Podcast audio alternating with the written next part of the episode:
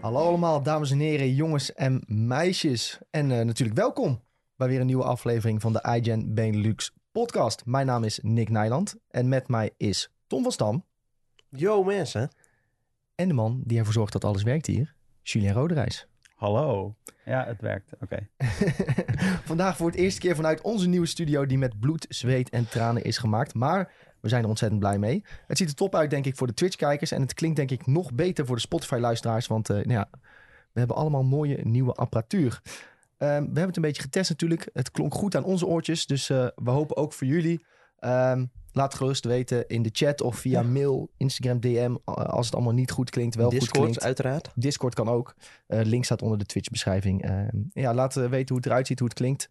Uh, en uh, in verloop van tijd zullen we misschien nog wel wat dingetjes aanpassen. En uh, zeker naar jullie feedback luisteren. Nu zijn jullie natuurlijk ook benieuwd. Wat gaat er veranderen aan de podcast zelf? Nou, geen zorgen, niet zoveel eigenlijk. Want we bespreken nog steeds het belangrijkste gaming nieuws van de week. We hebben mediatips voor je. En we gaan dieper in op previews en reviews. We hebben voor nu wel trouwens de quiz even geschrapt. Dat was technisch niet heel makkelijk meer te doen. Maar mogelijk dat we later weer een ander spelelementje gaan toevoegen. Uh, maar daar gaan we nog even rustig over nadenken. Voor nu gaan we het nog steeds hebben over uh, het allerlaatste nieuws. Uh, we willen ook gasten gaan uitnodigen om mogelijk te interviewen. nou, dat hebben we het al vaker over gehad, denk ik, om dat te gaan doen. En dat gaat in de studio wel, wel mooi op zijn plek vallen. Ik wil even hallo zeggen tegen iedereen die al hoi heeft gezegd in de Twitch-chat. Ik zie Timon, Bob, Luca, Svennetje zie ik al, Ferry zie ik al. Gezellig dat jullie er allemaal zijn. Um, Waar gaan we het vandaag over hebben, jongens? We gaan het hebben over de PlayStation Showcase van vorige week. Heel veel nieuwe toffe aankondigingen. Gaan we even dieper op in. Daarnaast gaan we het hebben over Deathloop, want die krijgt ontzettend hoge reviews. Uh, we hebben, Tom en ik hebben ook allebei even een stukje gespeeld. Ja, dat was top. Dat was top, ja. Daar, uh, ja, ja, ja. over. Dadelijk uh, gaan we daar dieper op in. Um, en we gaan het mogelijk, als we er nog tijd voor hebben, hebben over lekken bij Nvidia enorme lijst. Is uh, vandaag ook weer een nieuw bericht over uitgekomen dat die lijst uh, met een kooltje gezout genomen moet worden. Maar het is wel uh, mogelijk interessant om te bespreken als er tijd voor is. En we doen nog even een nieuwsvuurrondje met wat kleinere nieuwtjes. Ook hoor je tegen Alex die nog binnenkomt druppelen. Willen we even meepakken. Jongens, we beginnen eigenlijk altijd met hoe het met iedereen is. Dus Tommetje, hoe is het met jou? Ja, prima. Ja, kan niet beter als je in zo'n studio zit, toch? ja, hoe bevalt de studio? Ja, prima. Ja, andere mensen hebben het harde werk gedaan. En uh, ik, zit hier, ik zit hier lekker neergeploft op het bankje. Ja, je had vakantie uh, even in die ja, uh, periode. Ja, het was echt precies net even dat ik er niet was. En die dag dat er echt hard gelust werd, toen had ik een persvoorstelling. Ik kan wel zeggen waar dat van was. Dat was van Dune, de film. En nou ja, was ook top. Ja. De review staat online. Dus, ja, review staat op de website. Die, als je vooral lezen. lezen. Was alweer even geleden, maar ja, verdient toch wel wat aandacht. Zeker. verder prima. Heel goed, Sjoerd, met jou? Ja, prima. Gaat zijn gangetje. Uh, nou ja, lekker rustig. We zitten hier nou eindelijk weer. Hè? Na, Ja. na, hoe lang is het geweest? Twee jaar? Het is bijna twee jaar geweest, Twee jaar, Ja. ja. ja. Ja, en nu deze studio zijn we denk ik uh, nou, heel lang mee bezig geweest om uh, te kijken van hoe we het willen en wat we willen. En uh, de laatste twee weken hebben we echt zitten klussen tot splinters Ja. in onze vingers aan toe. Ja, vooral de aanloop is heel lang geweest, denk ik. Want we Ja. hebben het er al eh, meer dan een jaar over, denk ik. Ja, maar ja, door corona ook een beetje uitgesteld natuurlijk. Maar nu hadden we ja, de tijd eh, genomen om, eh, om eens lekker te knutselen. Ja. Ehm, wat we ook altijd weten, jongens. Wat is een beetje gegamed de afgelopen week? Oh, ik ben helemaal Sven vergeten, jongens. Wat zijn we asociaal? Waarom is Sven er niet? Ja, Sven die had een afspraak, dus die kon niet bij de eerste aflevering zijn. we doen ook gewoon net alsof hij hier... Alsof het heel eh, normaal is. Ja, heel normaal. Hij zit wel in de chat, dus dat is maar goed. we hebben ook een eh vierde stoeltje. Die staat nu even buiten beeld. En eh, de volgende keer kan eh, Sven daar gewoon gaan zitten. Ja, we hebben gewoon plek voor Sven, jongens. Geen zorgen, we, we sluiten hem niet buiten. Ehm, ik wil ook altijd weten wat een beetje is gegamed de afgelopen week. Ehm, Tom, Ja. ik zie heel veel heb jij opgeschreven. Oh, even een kleine hapering in de switch. Maar eh, ja, zeker. Nou ja, heel veel. eh, eh, drie games. En we hebben ook twee weken de tijd gehad, dus we hebben extra veel kunnen, kunnen spelen. Ja. Maar ja, Deadloop we het net al even over. Verder ben ik sinds afgelopen vrijdag bezig met de NBA 2K22. Die toen uit is gekomen. Lekker roulette gooien in het Holland Casino.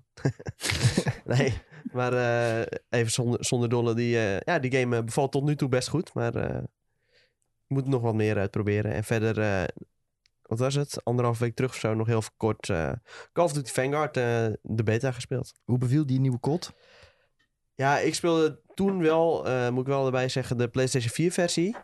En ja, ik vond echt heel erg als van oud. Het leek heel erg alsof ze gewoon echt aan fanservice hadden gedaan. Het was echt een beetje de, de drie lijntjes had je weer via wat je moest lopen. En ja, dat voelde wel vertrouwd en eigenlijk wel, eh, wel lekker. Geen, eh, niet al te veel poespas. Gewoon lekker harde actie in de Tweede Wereldoorlog. ik vroeg me nog af van, ja, als je dan Tweede Wereldoorlog hebt, heb je dan niet van weinig attachments en zo. En dat moet ook goed geïntegreerd zijn met Warzone. Maar ja, dus, het viel me wel op dat er best veel attachments waren. Dus ja, je kan best wel veel aanpassen naar wensen. En dat, daar was ik nog wat over verrast. Ja. ja, ik ben vooral blij. Ik werd vooral blij toen jij zei. Ik heb zelf niet gespeeld trouwens, maar jij vertelde dat het gewoon weer maps zijn met een drie-lane systeem. Je merkt in Modern Warfare gingen ze allemaal dingen proberen met. Ja, we gaan heel veel hoogte toevoegen en we gaan de maps uh, zo willekeurig mogelijk maken. En dat werkte gewoon niet zo lekker voor mij. Dus ik ben wel blij dat ze daar naartoe terug gaan. En uh, ja, ik moet eerst nog gaan, gaan spelen, maar. Uh, Goede hoop in ieder geval dat het tof wordt. Ja, nee, zeker. als je binnenkort de kans krijgt, ik zou het sowieso even proberen. Want nou, speelt, speelt best lekker. Ja. Nice.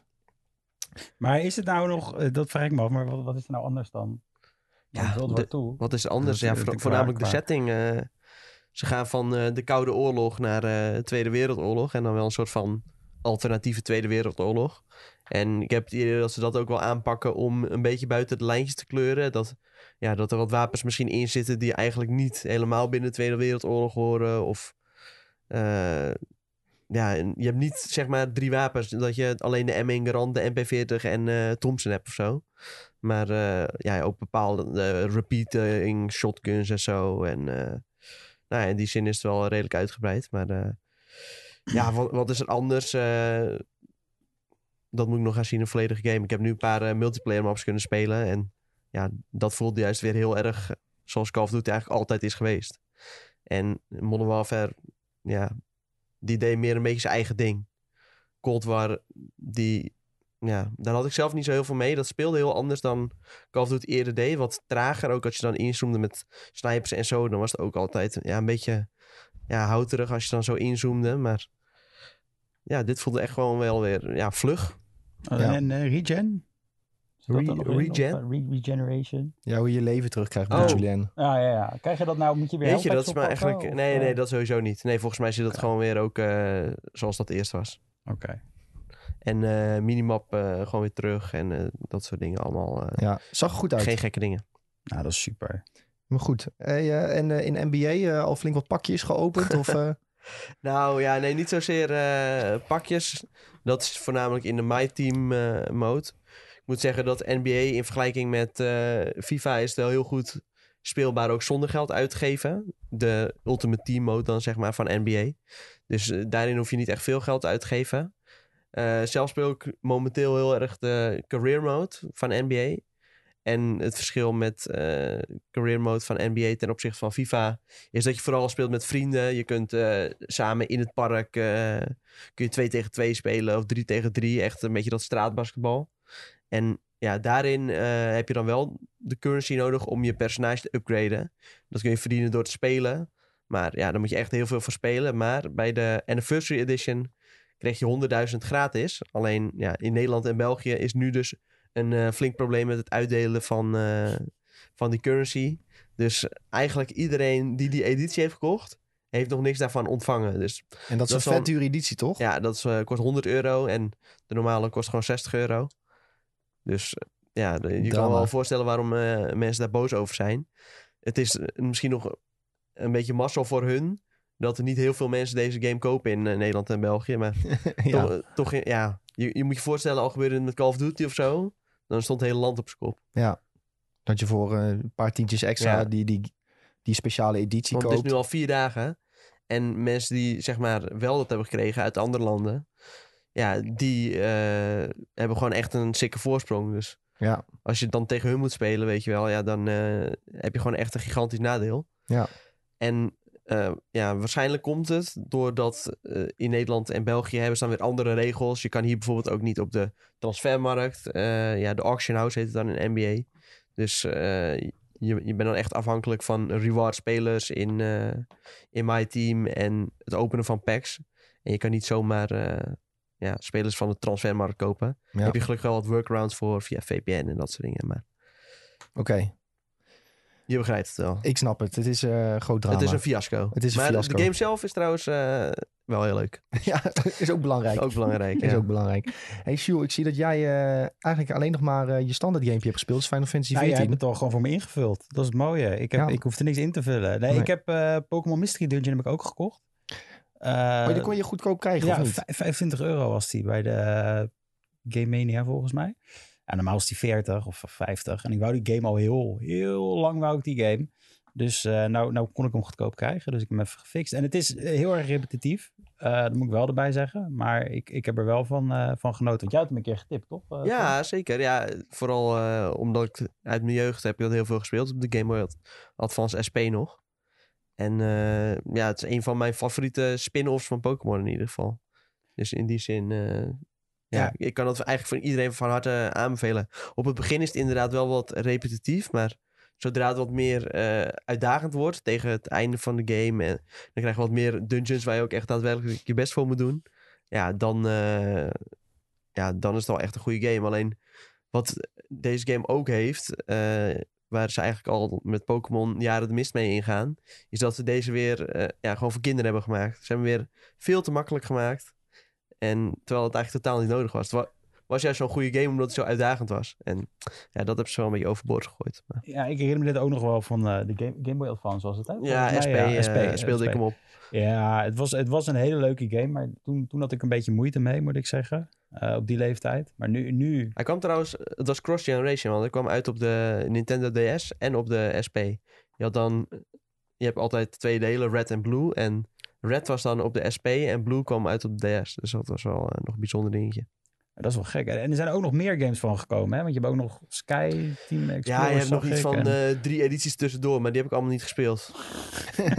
De eerste is gewoon de beste, Ja, de eerste ik. is het daarbij houden, ja. Nee, en, en daarnaast heb ik inderdaad ook lekker Final Fantasy eh, weer kunnen spelen. Ik heb mijn auto. Je hebt de auto. Eindelijk. Jemig. Ik heb dus vorig jaar, heb ik, toen het uitkwam, ik denk drie jaar geleden, twee jaar geleden, heb ik dat helemaal gemist. Ik had, eh, ik had niet genoeg casino coins, om het zo te zeggen. En nou, Ja. eh, nou had ik ze. Dus ik Maar heb, eh, tussendoor is hij wel gewoon te koop geweest, toch? Want volgens mij kostte hij tussendoor in eh Saucer een miljoen, omdat het event er niet was. ja, dus ik heb, Maar met event is hij dan een stuk goedkoper. ik heb dus een hele grote fout gemaakt. Ik dat toen ik, toen ik hem wou vrij spelen, stond op de event zo van hij is, weet ik het wat, hoe duur die was. En toen dacht ik van ik heb die munten niet, dus ik ga nooit die laatste boss battle doen. Dus ik logde in en toen moest ik alleen maar die laatste boss battle doen. Gisteren. Huh? Ja, van de Nice. questlijn. Dus je moet op het eind van de Ah. questlijn moet je tegen die primal Ja. vechten. Nou, dat was het eigenlijk. Eh, Ja. En dan krijg je hem gewoon meteen. Dan krijg je, nee, ja, je moet er wel vier muntjes er tegenaan gooien. Ja, dat is wel, wel een dingetje. Maar dat was het hem eigenlijk voor mij deze week. En wat, wat heb jij hem gespeeld, Nick?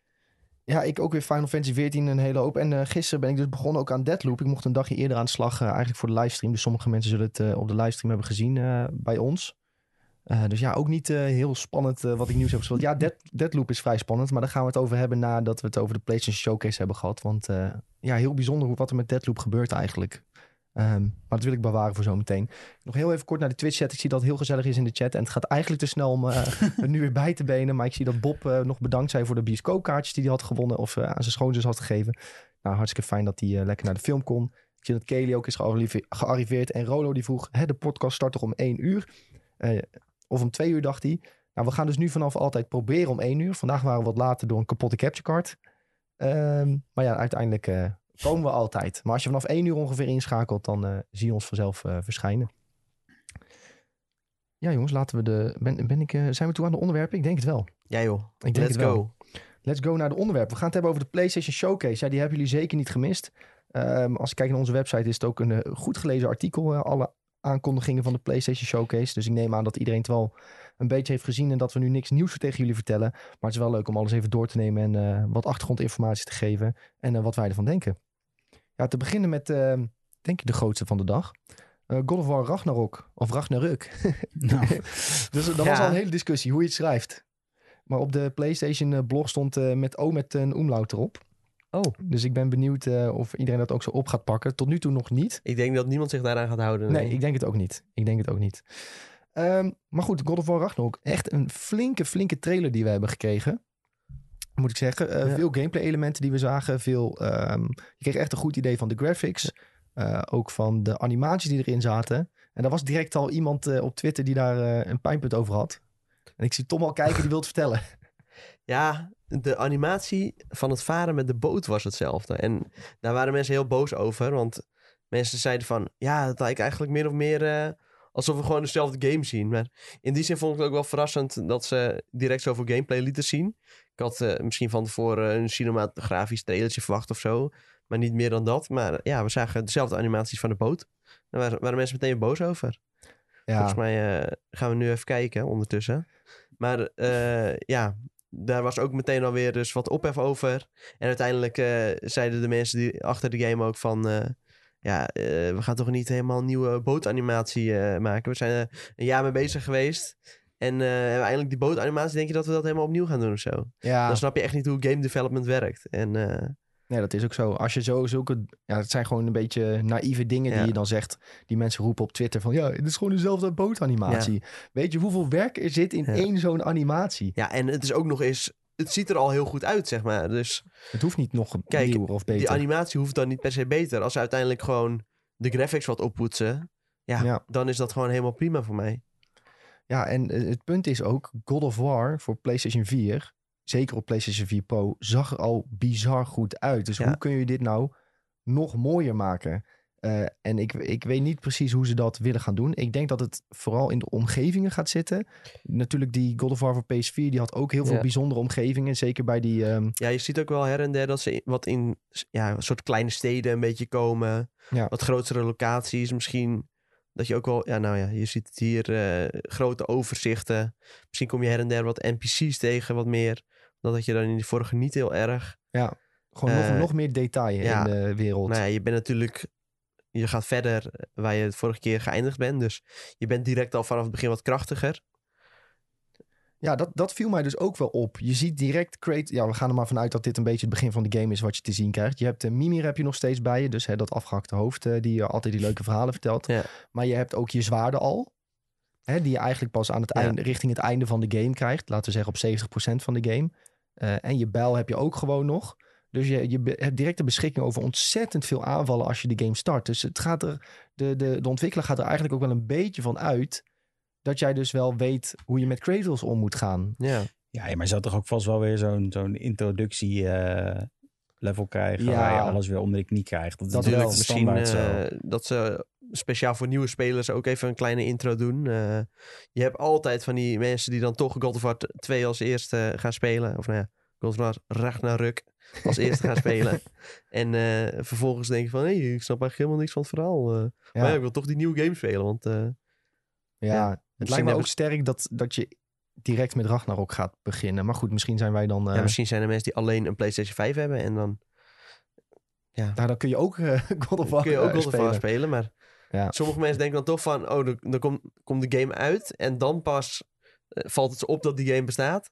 En dan, eh, ja, dan gaan ze spelen. Maar ja, misschien komen ze toch wel met een eh op, oppoetsbeurtje voor God of War. eh Ja. ja. ziet die er natuurlijk al heel mooi uit.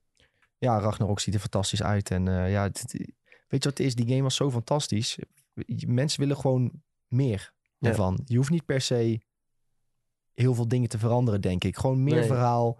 ehm, iets Ja. meer nieuwe gevechtscombinaties die je kunt doen met, eh, met zowel Kratos en misschien wat eh, leveltjes die je als Atreus volledig kunt spelen. Je had misschien, we hadden nog wel, ja, we zaten net een beetje te speculeren wat ze kunnen gaan doen. Ja. Ja, er was natuurlijk ook alweer een eh, meme waar jij over vertelde een beetje. Ja, over eh, dat eh, mensen gingen de vergelijking doen met The Last of Us Part 2. Kijk uit spoilers, eh, ik zeg het nu alvast. maar ehm, dat je gewoon het eerste deel van de game speelt als Kratos. En dat ze dit nu laten Ja. zien in de trailer. En dat Kratos dan doodgaat. En dat je dan de rest van de game als Art Atreus eh, moet spelen.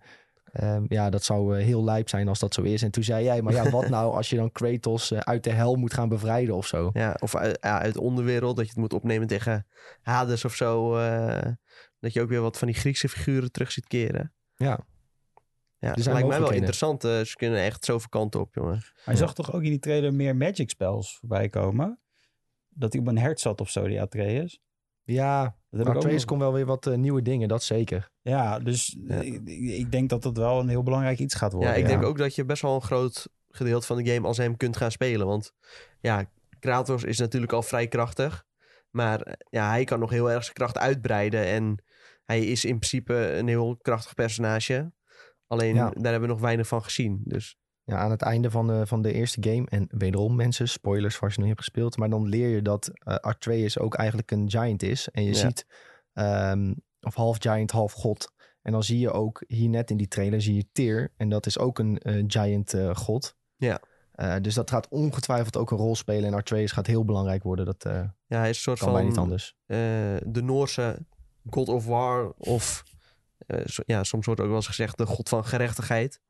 Ja, Dus eh, ja, eh, sowieso eh, zagen we in de trailer best wel wat nieuwe personages. Ja. We zien ook dat eh, ja, een nieuw meisje aan het einde van de trailer. Oh ja, dat is waar. Ik zag ook al weer wat mensen die waren ontevreden van... Ja, jullie geven weer de hele game weg. En eh, nee joh, dat is helemaal niet waar. nee.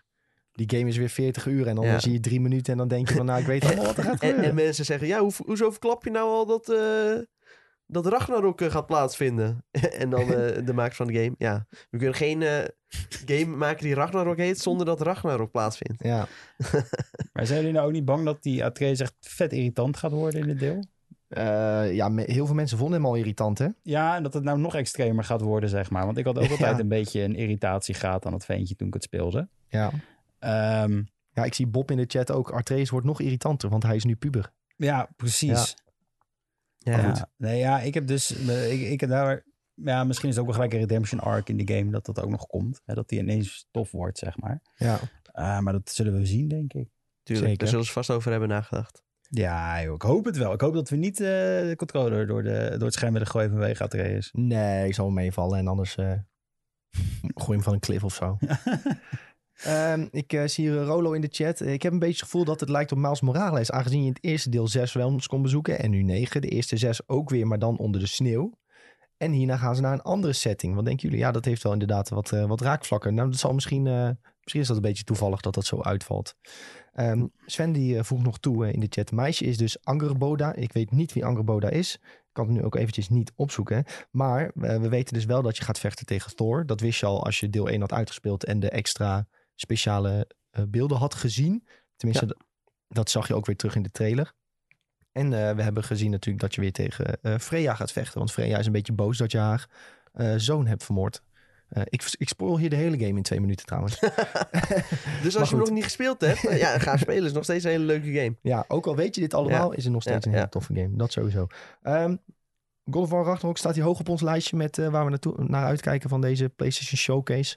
Ja, bij mij wel, absoluut. God of War was een van mijn favoriete exclusives op de PlayStation 4. Ja. Dus ja, ik kan alleen maar eh, toejuichen als deze zo snel mogelijk komt. Wat wel trouwens eh, bijzonder was, we zagen nog geen release datum. En ook niet een jaar of zo. Ze zeiden niet van, oh, hij komt 2022. Of Ja. bij sommige games ze- zeiden ze zelfs, hij komt 2023. Dat bij Ja. Of War hebben we gewoon niks gezien. En waar gokken we dan op? Wat, voel je, wat denk jij, Tom? Hè? Dus, eh, Ja.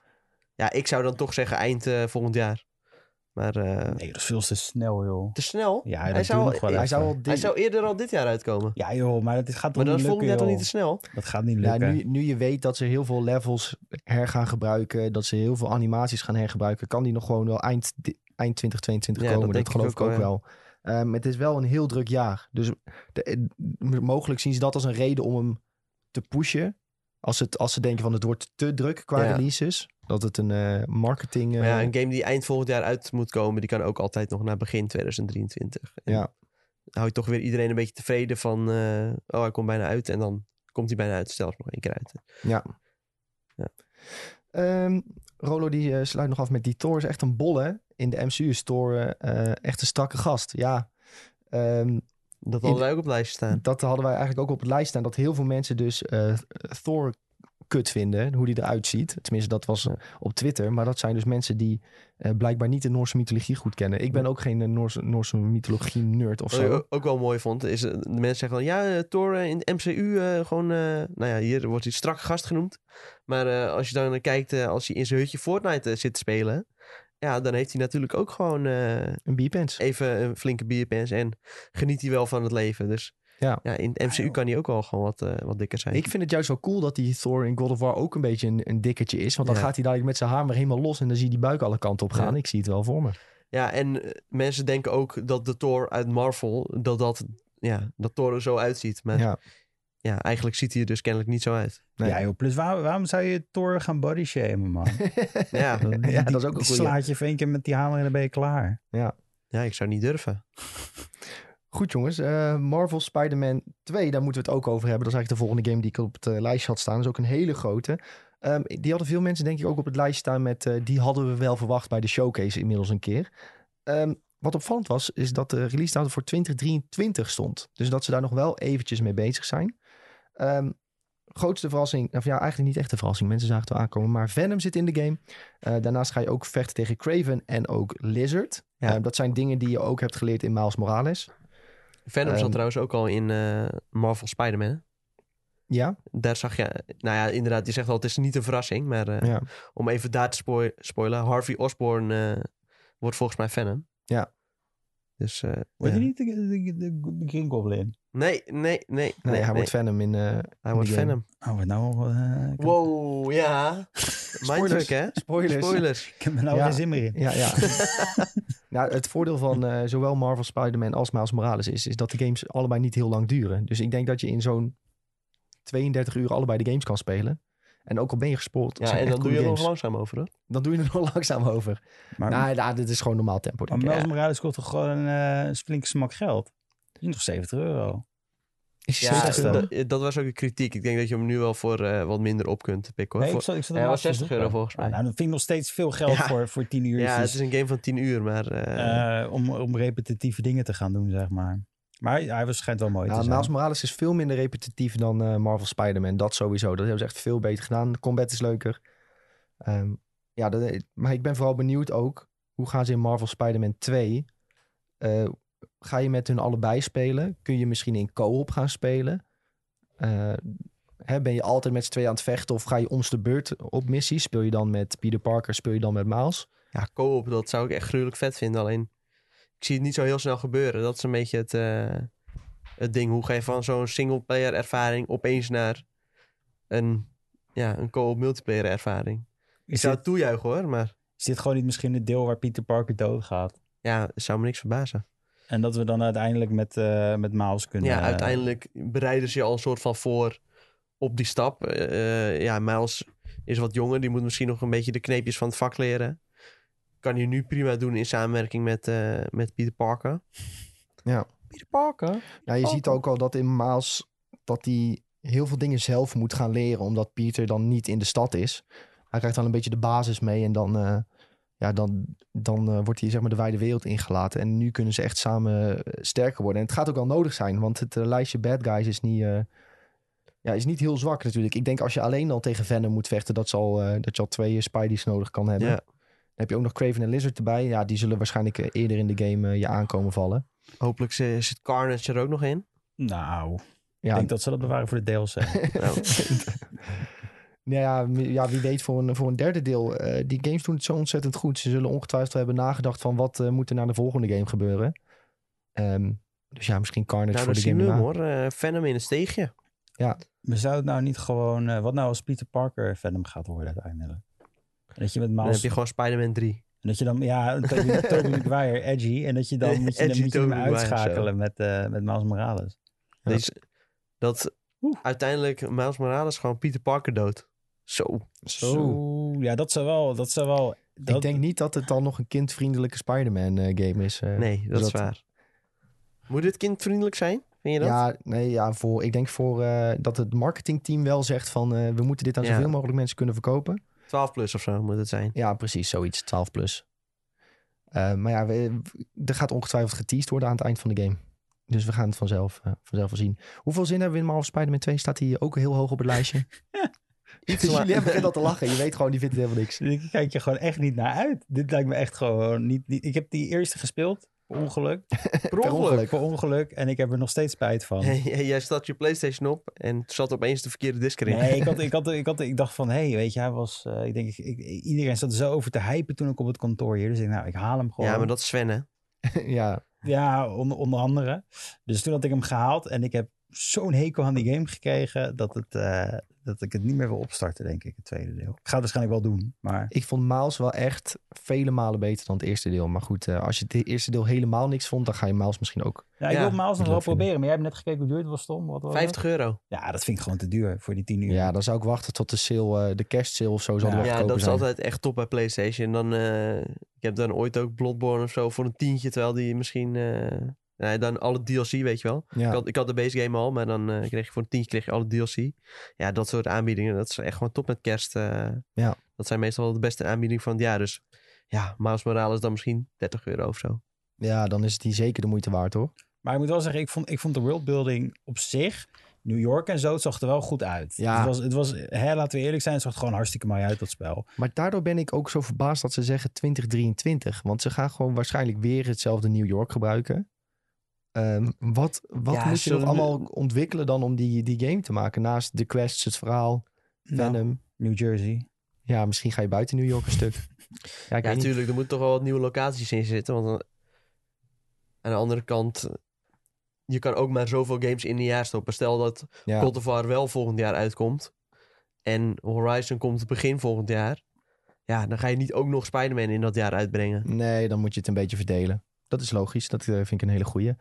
Ehm, Rolo zegt een hele goeie in de Twitch-chat. Eh, wat ik zelf het best nieuws vind, is dat zowel Spidey als Wolverine PlayStation 5 exclusives worden. Dus Insomniac wordt niet meer tegengehouden door het feit dat hij ook naar PS4 moet komen. Ehm, nou, we hebben gezien bij Ratchet Clank eh, wat ze Ja. dan kunnen doen. Echt prachtig. Maar denk je dat Miles Morales er daardoor minder mooi uitzag? Doordat hij ook op PlayStation 4 kwam? Nee, want Insomniac is gewoon insane. Ja, Insomniac is gewoon bizar in wat ze doen. En eh, Miles zag er echt, echt ziek goed uit. En zelfs met een... Volgens mij echt, die, die patch kwam denk ik een maand na release... dat ze al 60 fps met, eh ja met met raytracing. met ja. raytracing wisten, ze- Ja, dat wisten te echt krijgen in die game. Echt gruwelijk. Maar ja. En dat is wel belangrijk, want 60 fps is, speelt zoveel lekkerder Ja. dan 30. Ja, je hebt heel vaak in van die games ook zo'n 30 fps optie. Dat had ik dan ook bij Ratchet Clank. Op het begin dan eh, moest je nog daarin spelen. Omdat die 60 fps dat kwam pas met release. Ja. Ja, als je dan alleen maar daarop kunt spelen, dan merk je het nog niet heel erg. Maar als je dan één keer die switch hebt gemaakt naar 60 fps, dan denk je meteen van, what the fuck, hoezo speel ik op 30 fps? eh waar Ja, ben ik mee bezig? doet gewoon pijn aan je ogen dan Ja. opeens. Ja, Echt zeker. alsof je naar de PowerPoint-presentatie kijkt. Jezus. Lekker overdrijven, heerlijk, genieten. Ehm, Rolo voegt daar nog toe als laatste. Ja, maar als het januari 2023 is, dan is het nog maar anderhalf jaar. En ja, ik denk dat Tom dat Ja, net ook al een ja, beetje precies. zei. Dat Ja. kan heel goed. Die tijd gaat ook zo hard, hè, jongens. Ja, we zijn- zegt, we zijn er zit al bijna al. 2022. Ja, we, we hebben al een timeskip gemaakt van twee jaar. Dus, we eh, spelen al bijna Elden Ring. Zo. Zo. Ja, ja, ja. Ik kan er nu al niet op wachten om het over Elden Ring te hebben terwijl we hier in de studio zitten. Genieten. Hey, eh, eh, de volgende op mijn lijstje is ehm, Star Wars Knights of the Old Republic, de Maar dat, remaster. dat vind jij niks volgens mij. Nee, vind ik helemaal niks. Nee, eh, het punt is, ik heb deze game nooit gespeeld. Maar altijd hele sterke, goede verhalen over gehoord. En ik heb hem eigenlijk gewoon niet gespeeld omdat hij gewoon zo verouderd was. Die game die komt uit 2003, even voor de duidelijkheid. Ja. Ehm, veel mensen, veel Star Wars fans zeggen... dit is de beste Star Wars game ooit gemaakt. En ook nog eens een van de beste RPG's ooit gemaakt. En de Star Wars MMO, Star Wars The Old Republic... dus niet Knights of the Old Republic, Star Wars The Old Republic... die is daar heel erg op gebaseerd. Ook qua keuzes die je kunt maken richting light side, dark side en dat soort dingen. En die MMO vond ik fantastisch. Microtransacties ook? Ja. Ja. maar dat kwam later pas. Toen speelde ik al niet meer. Nee, toen die game net uitkwam, was het gewoon net als Final Fantasy en WoW. Je had gewoon, hier is de game, ga maar lekker spelen. Ja. Ehm, en later werd het een beetje verneukt door microtransacties. Ja, toen goed. ging ze ook free-to-play. Vanaf dat moment is eigenlijk bergafwaarts eh, gegaan. Ja, komt er wel een beetje op neer. Dat is wel een goede samenvatting. Maar goed, Knights of the Old Republic dus. eh, hele, hele korte trailer van gekregen. Eigenlijk zag je alleen uh, Darth Revan, als ik het goed zeg, eh, Ja. in beeld. Ehm, dat zag er wel heel sick uit. En heel veel mensen waren hier heel blij om. Want er wordt hier al, eh, ja, ik denk eh, 15 jaar Iedereen, over iedereen gevraagd. roept hier ook over, ja. Ja, iedereen zit van, Ja. wanneer nou een Koto remake? Wanneer nou Jason een Koto Schreier remake? eh, zei ook in een tweetje voorafgaand aan de show van... eh, ja, dit is... eh, of nou ja, er wordt straks één van de games getoond... eh, waar eh, van mensen al jaren aan me vragen van... eh, wanneer komt dat nou eindelijk een keer? Nou ja, daar doelde hij sowieso... eh, volgens mij eh, op de Knights of the Old Republic. Maar wie, wie... Ja...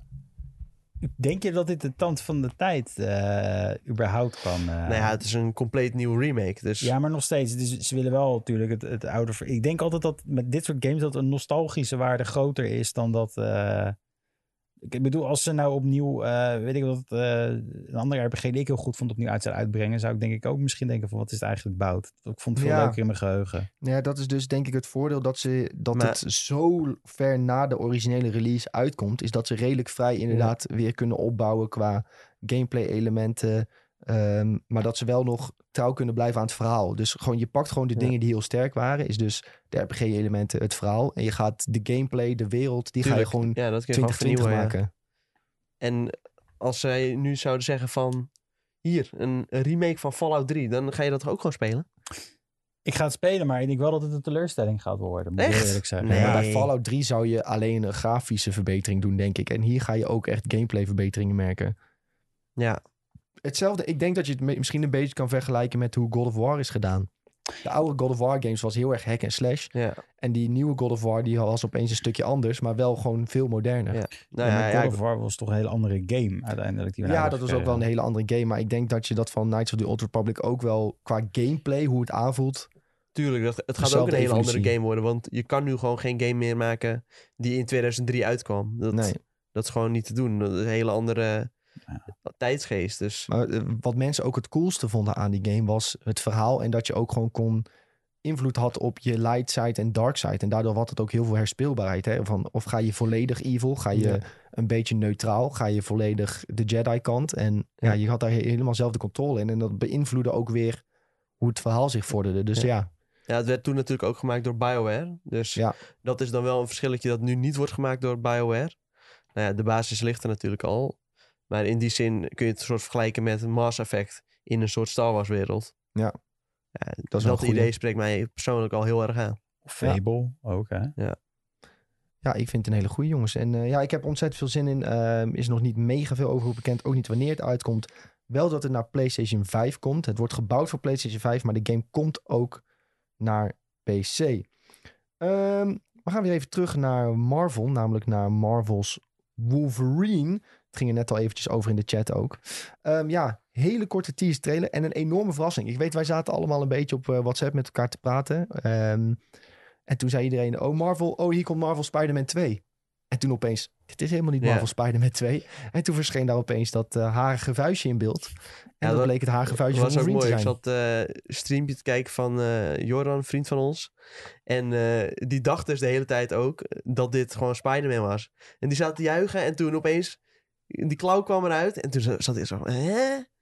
Die dachten gewoon de hele tijd, oh, hier kijken we naar Spider-Man. Nou ja, wij wisten hier al vrij vroeg.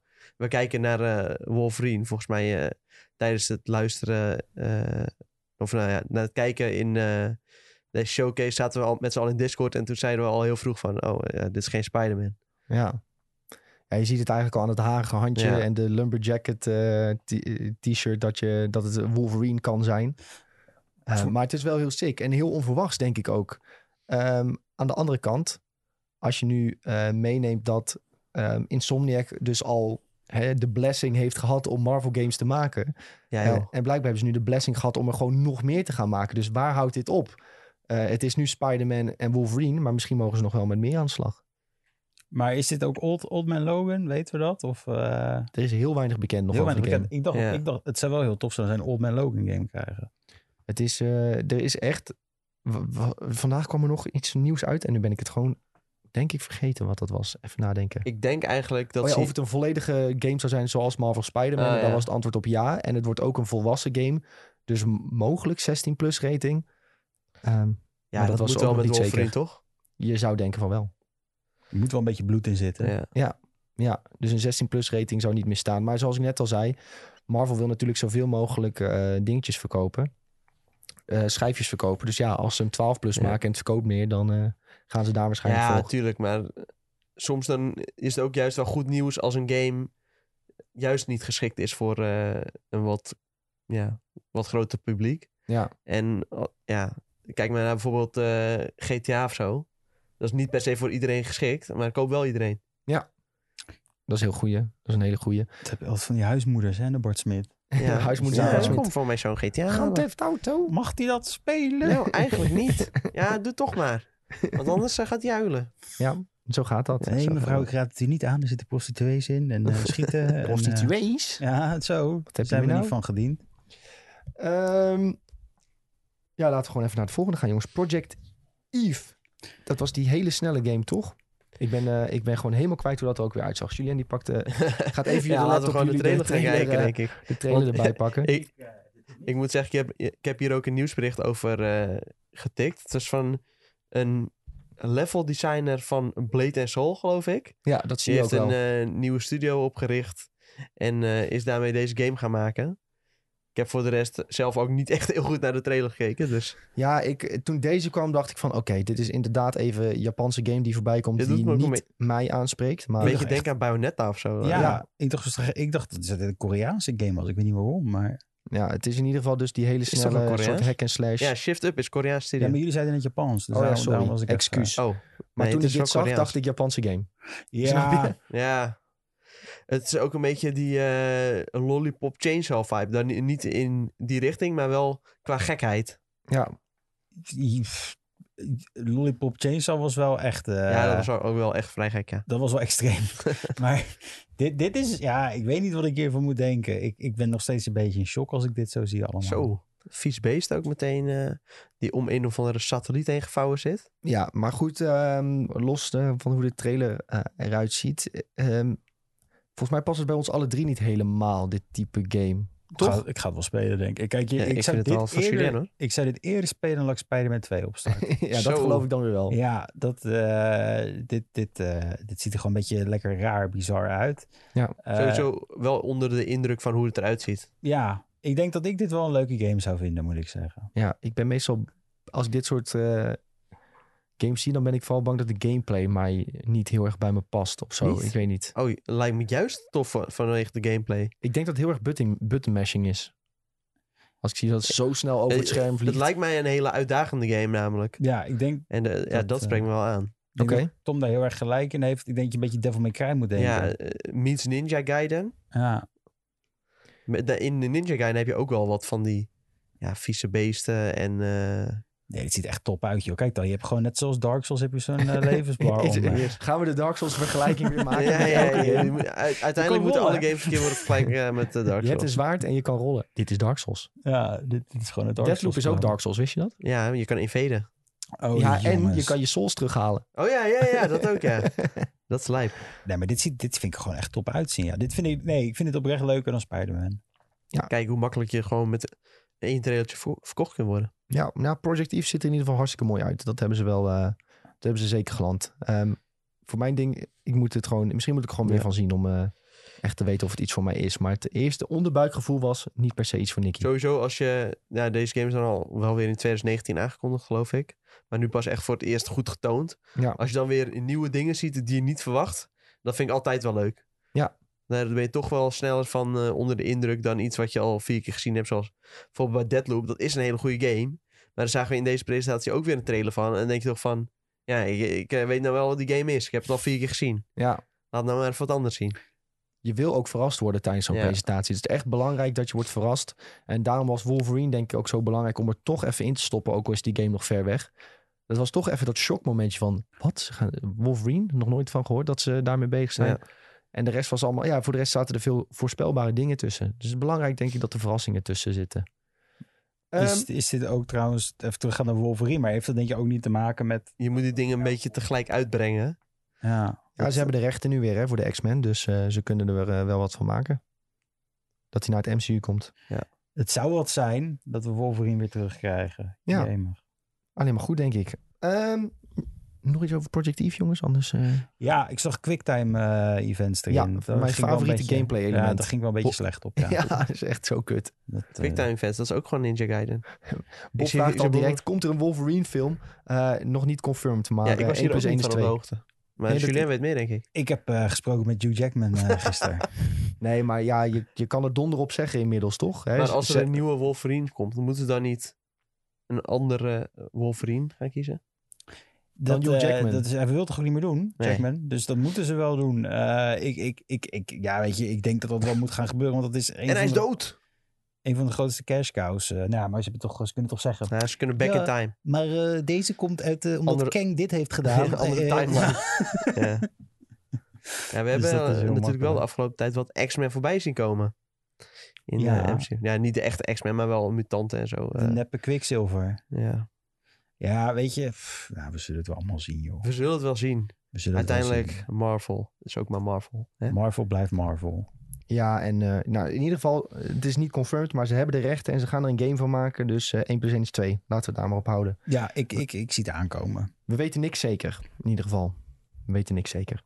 Ehm, goed jongens, Eh, de volgende was eh, ja, weer eh, een bekende, een oude bekende waar we wat meer van te zien kregen. Tiny Tina's Wonderland. Ja. Ehm, weer een nieuwe trailer. Met eh, baby metal muziek op de achtergrond. Met wat Dus, voor muziek? Baby metal muziek op de achtergrond. Wat is baby metal muziek? Ken je dat niet? Nee?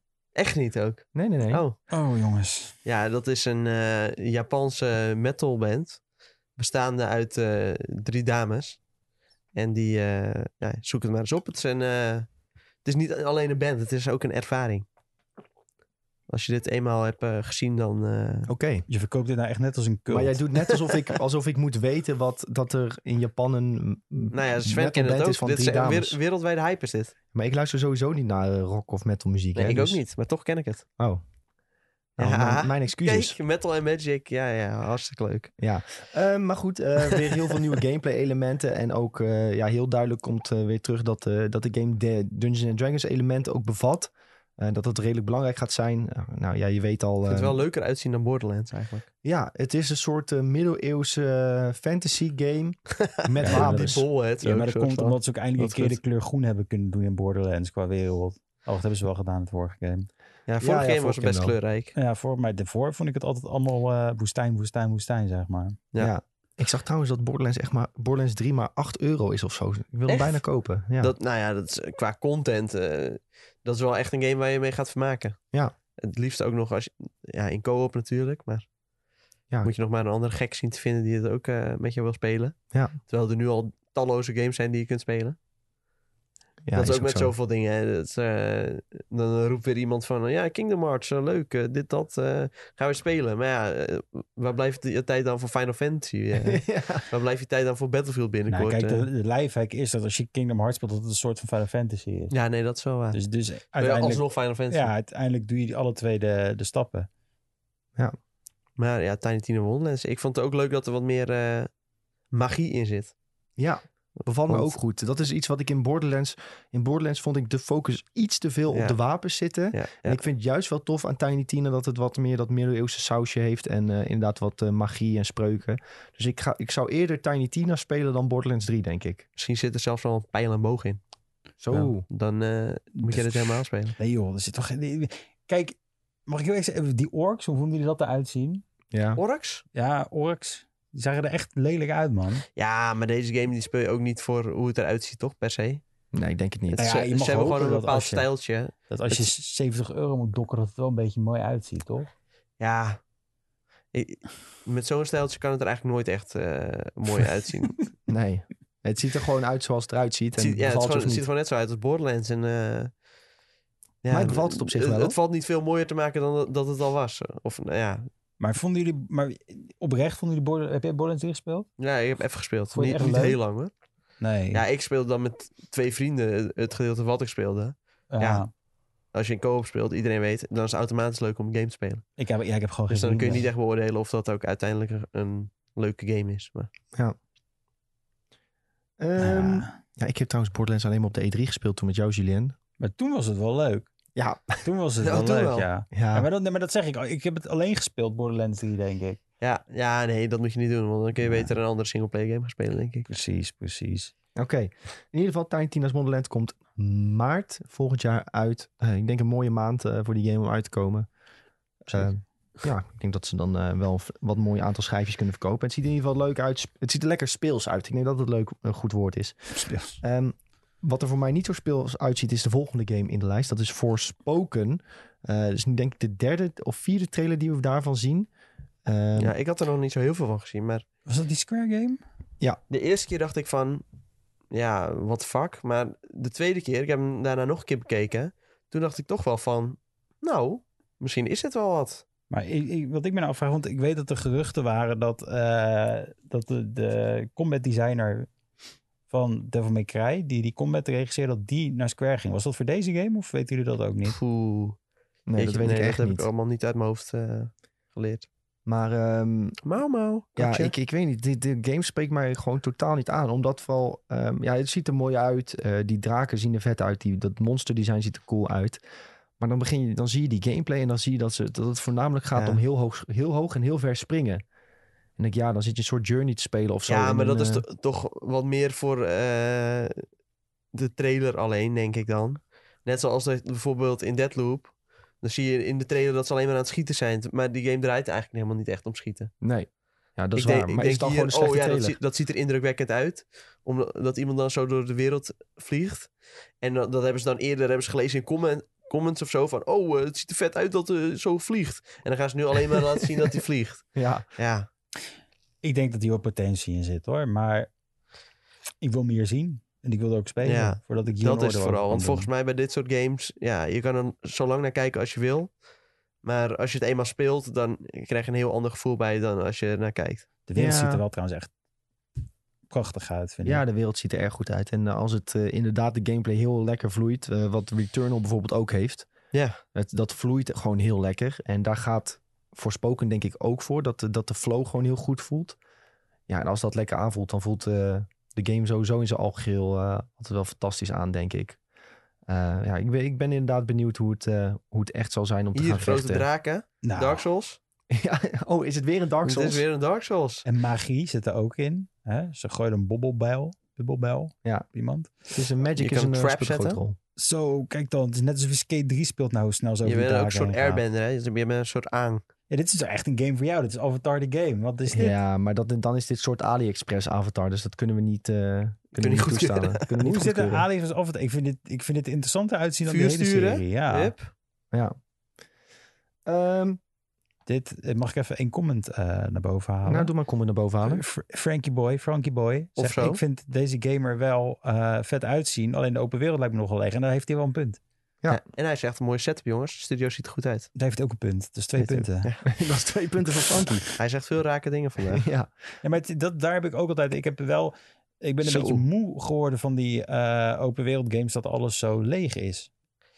Ja, Ja. dit zal ook typisch zo'n eh, ja, post-apocalyptisch, hè. Dan eh, heb je automatisch een lege wereld. Ja, Zo gaat dat. Weinig NPC's.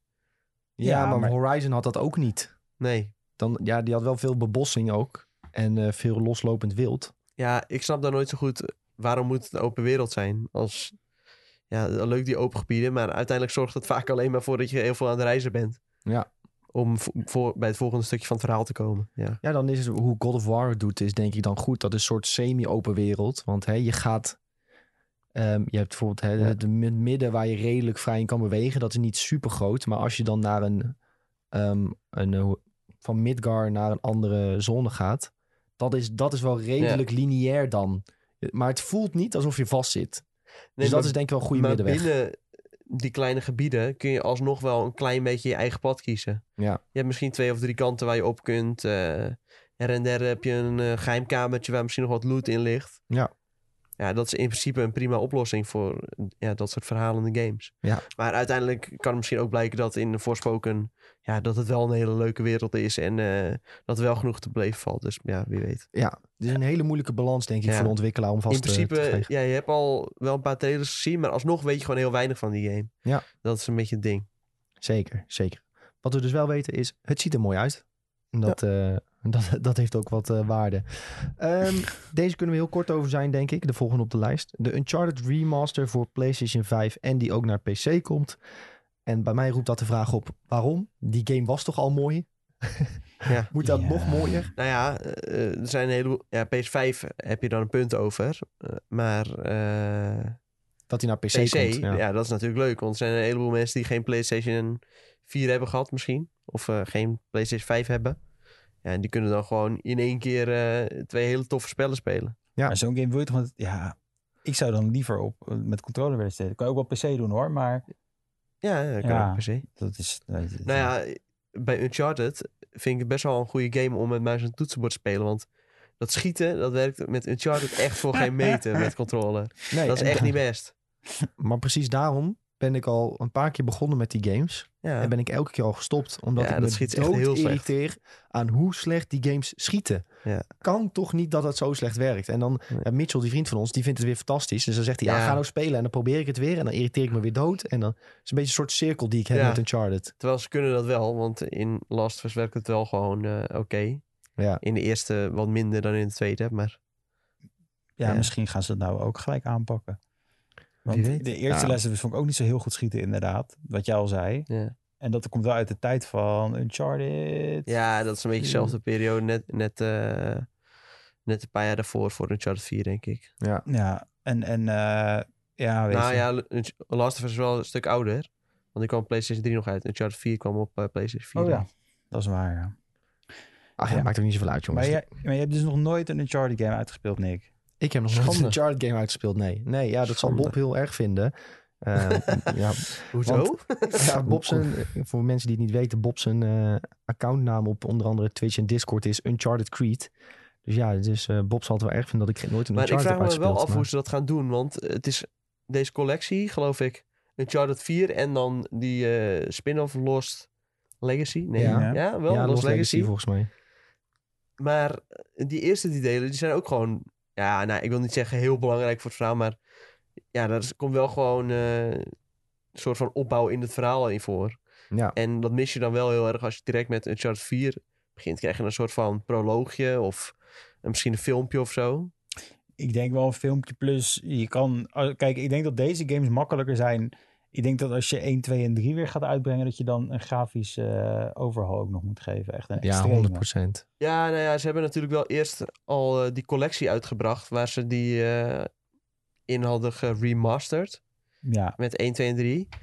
En dan alsnog eh, heb je met 1 wel heel erg... Ja, dat is echt een verouderde game. Ja, het klopte niks van. Ik heb het ook gespeeld. Ik dat ook Ja. ergens op moest klikken. En dan moest je ergens voor gaan staan. En dan klikte hij erop. En dan deed het heel klunky. En dan had je echt zoiets van ja. Ja, die game is... eh, En, en, dus ik denk als ze 1, 2 en 3 gaan doen, dat daar gewoon te veel werk achter moet komen. Ja. En ze kunnen het wel doen, maar dan moeten ze dat ook denk ik weer apart gaan uitbrengen. En gewoon een volle prijskaart vragen om het reëel te maken, hè, realistisch. Maar die heb ik, die heb ik dus gekocht. Die, die, die pakket van drie Ja. en Uncharted 4, heb ik, die games heb ik allebei tegelijk gekocht. Dus ik had in één keer vier games gekocht. En ik was met één ja, begonnen. dat want is dan denk ik, overwhelming. Toen was ik bij één begonnen. En dat speelde gewoon niet zo heel lekker. En dat is niet zo gek, want het was gewoon ook Ja, gewoon het een is een hele, oude game. Maar dat is even doorbijten. Want uiteindelijk, verhaal technisch, vind ik dat alsnog wel een game die zich wel goed staande houdt. Ja, en ook locaties. Hè. Je ziet- je Locaties zijn alsnog ook wel Ja, tof. Maar Ja. dat vond ik ook wel mooi. En ik vond de puzzels nog wel leuk om te doen.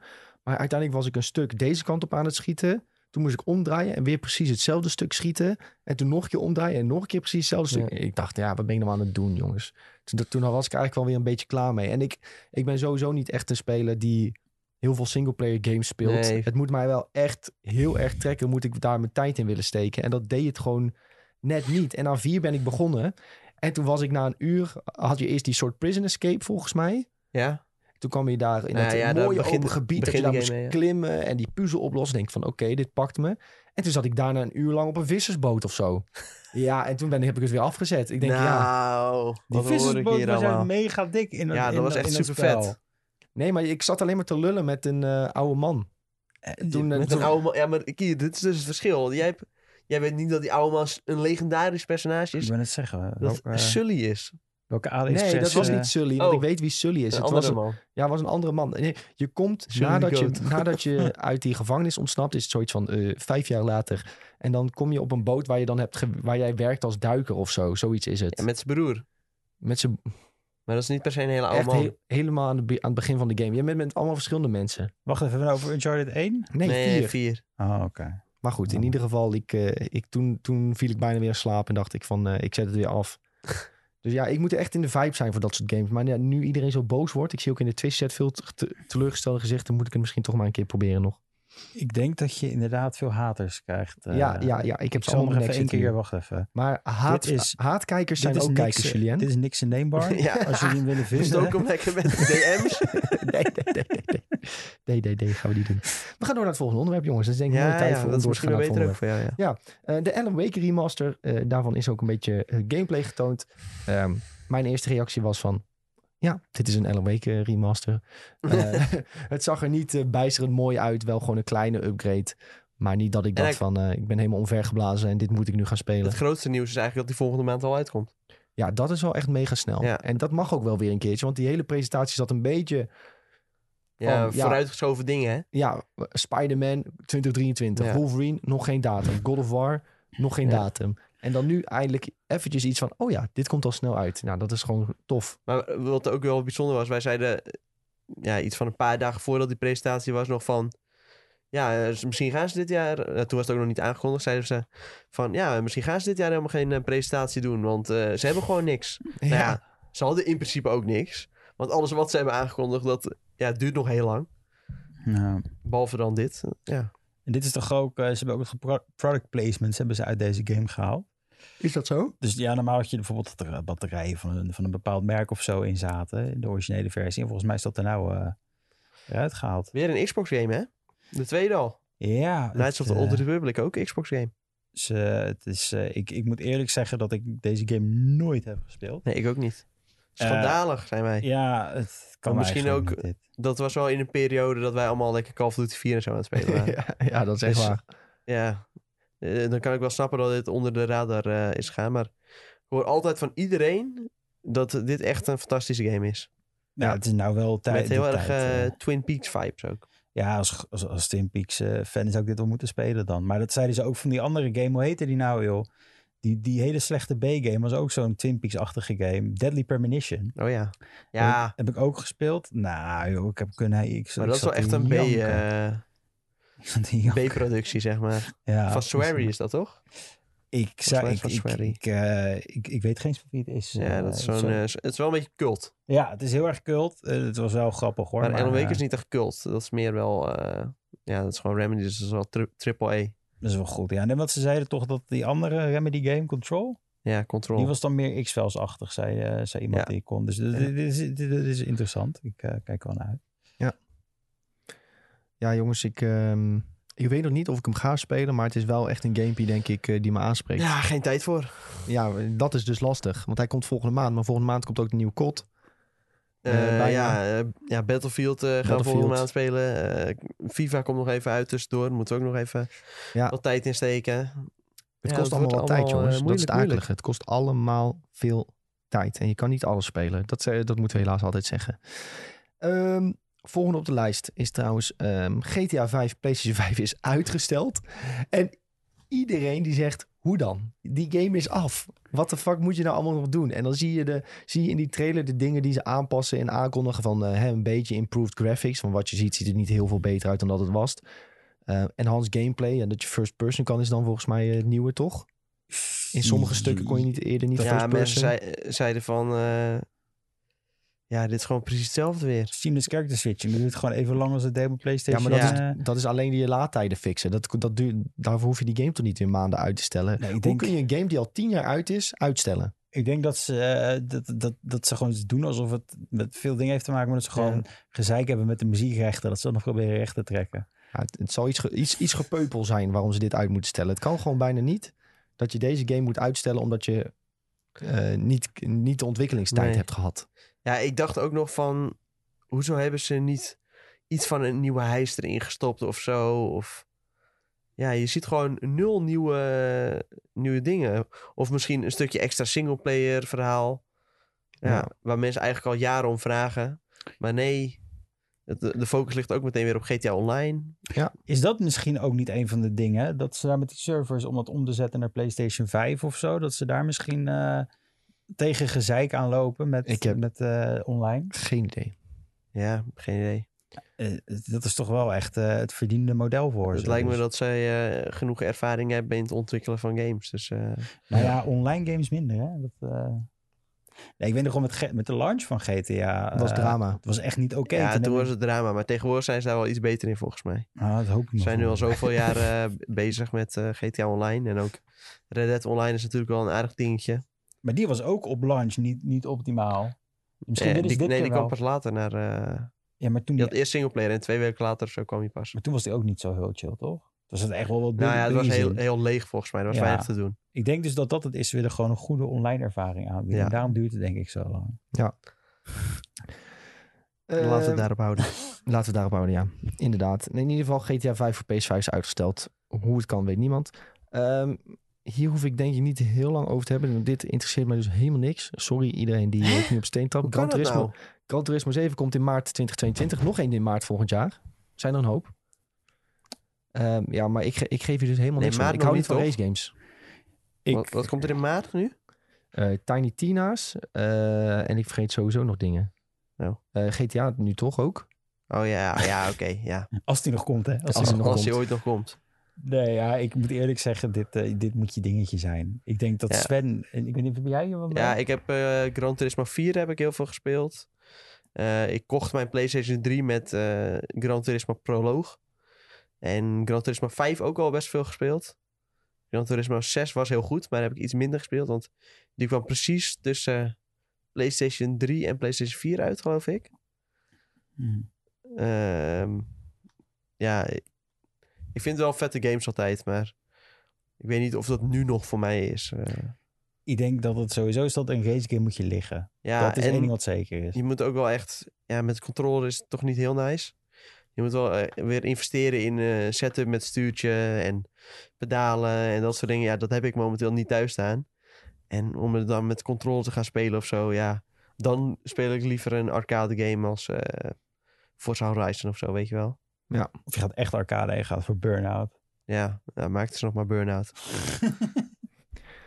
Goed jongens, Gran Turismo 7. Ja. Komt maart 2022. Als je van race games houdt, dan eh, hou je het ongetwijfeld in de gaten. Ehm, voor ons is het niet echt. Het ziet eh, er wel mooi uit. Nu. Ja, het Laat ziet dat super, super mooi uit. En ik vind in deze game eh, het is wel gewoon tof dat het echt draait om eh, auto's verzamelen. En ja, een beetje je eigen wagenpark uitbreiden. Maar die fotomode, weet je, elke game moet tegenwoordig een fotomode hebben. Tuurlijk. Ja, maar dit, hadden ze vorige game ook al hoor. Oh, ik vind het echt prachtig uitzien. En eh, die sticker placements ook. Dat je, je kan echt op de gekste plekken Ja. kan je stickers plakken. Dus eh, als je een beetje van wansmaak houdt zoals ik, dan eh, kan je auto heel En wat ook wel tof is om bij Gran Turismo is... Het draait niet alleen om de snelste van de snelste auto's. Het is ook...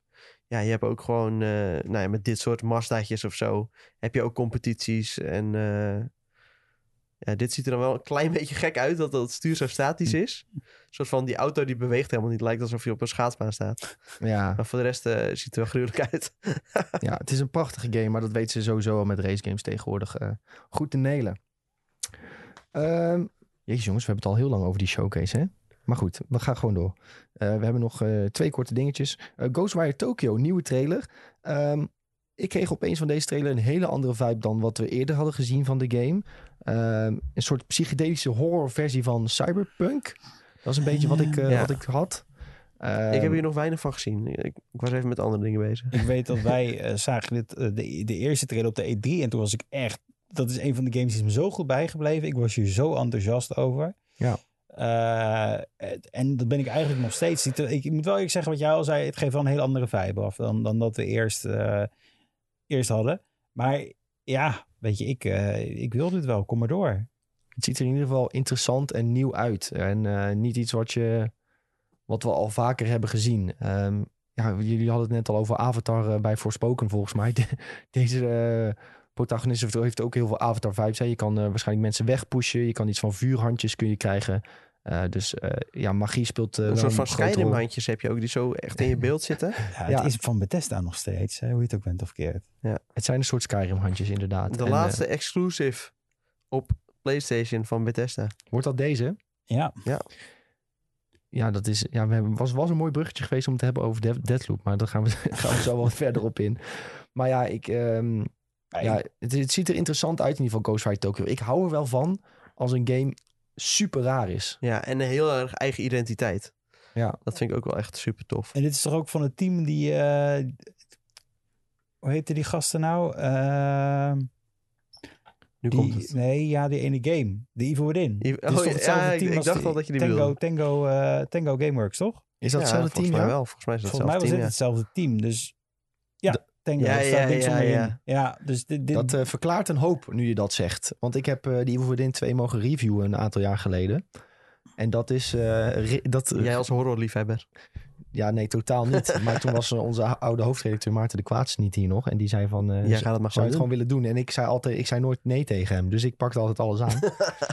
Ja, dus ik heb inderdaad eh, de Evil Within 2 toen daar zit je ook niet mis mee hoor, want het is gewoon best wel een toffe dat- game De volgens Evil mij. Within 2 was een fucking leuke game. Ehm, maar inderdaad, ook net als wat je nu ziet in Ghostwire Tokyo. één grote bad trip gewoon. Ja. Je denkt, je, je begint als een soort standaard zombie game. Maar al heel snel komt, wordt het echt iets...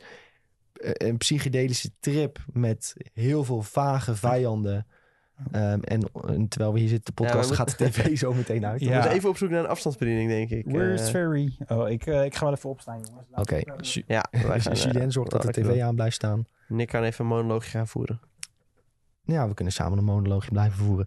Ehm, ik ben alleen wel mijn verhaal kwijt over... Ja, oh, de Evil Within bij 2. de Evil weer in 2, Ja, waarom ja, dat het zo'n psychedelische strip was.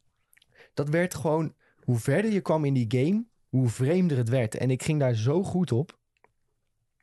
ik vind het gewoon grappig om dus Julien aan het werk te zien... om te kijken Ja, hoe je die- kan gewoon eh, volume, werkt nooit. volumeknopje op de tv kun je toch... eh, Ja, er moet ergens een knopje zitten dat de tv aanblijft. hier, hoppa, kijk eens. Kijk, Hatsé. Julien heeft het gefixt, jongens.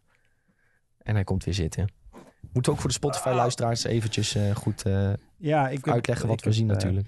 Sorry, jullie zagen net als jullie zaten te kijken, zag je mij in de weer lopen heel de hele tijd. Spotify Ja, luisteraars. ik, maar ik ben er weer, kijk, daar ben ik. Ja, maar voor de, ja, oh ja, inderdaad, voor de luisteraars. Ja, we hebben dus hier een soort tv'tje staan en er staan een heleboel camera's omheen. En eh, de tv die zijn net eh, ja, bijna inactief, dus je moet even een knopje indrukken, want anders ga ik uit.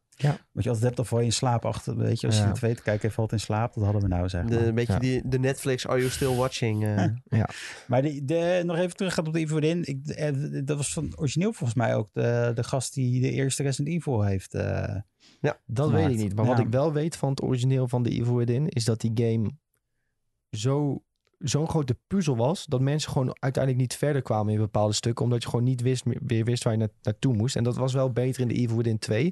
Dat was soms ook een puzzel, maar wel...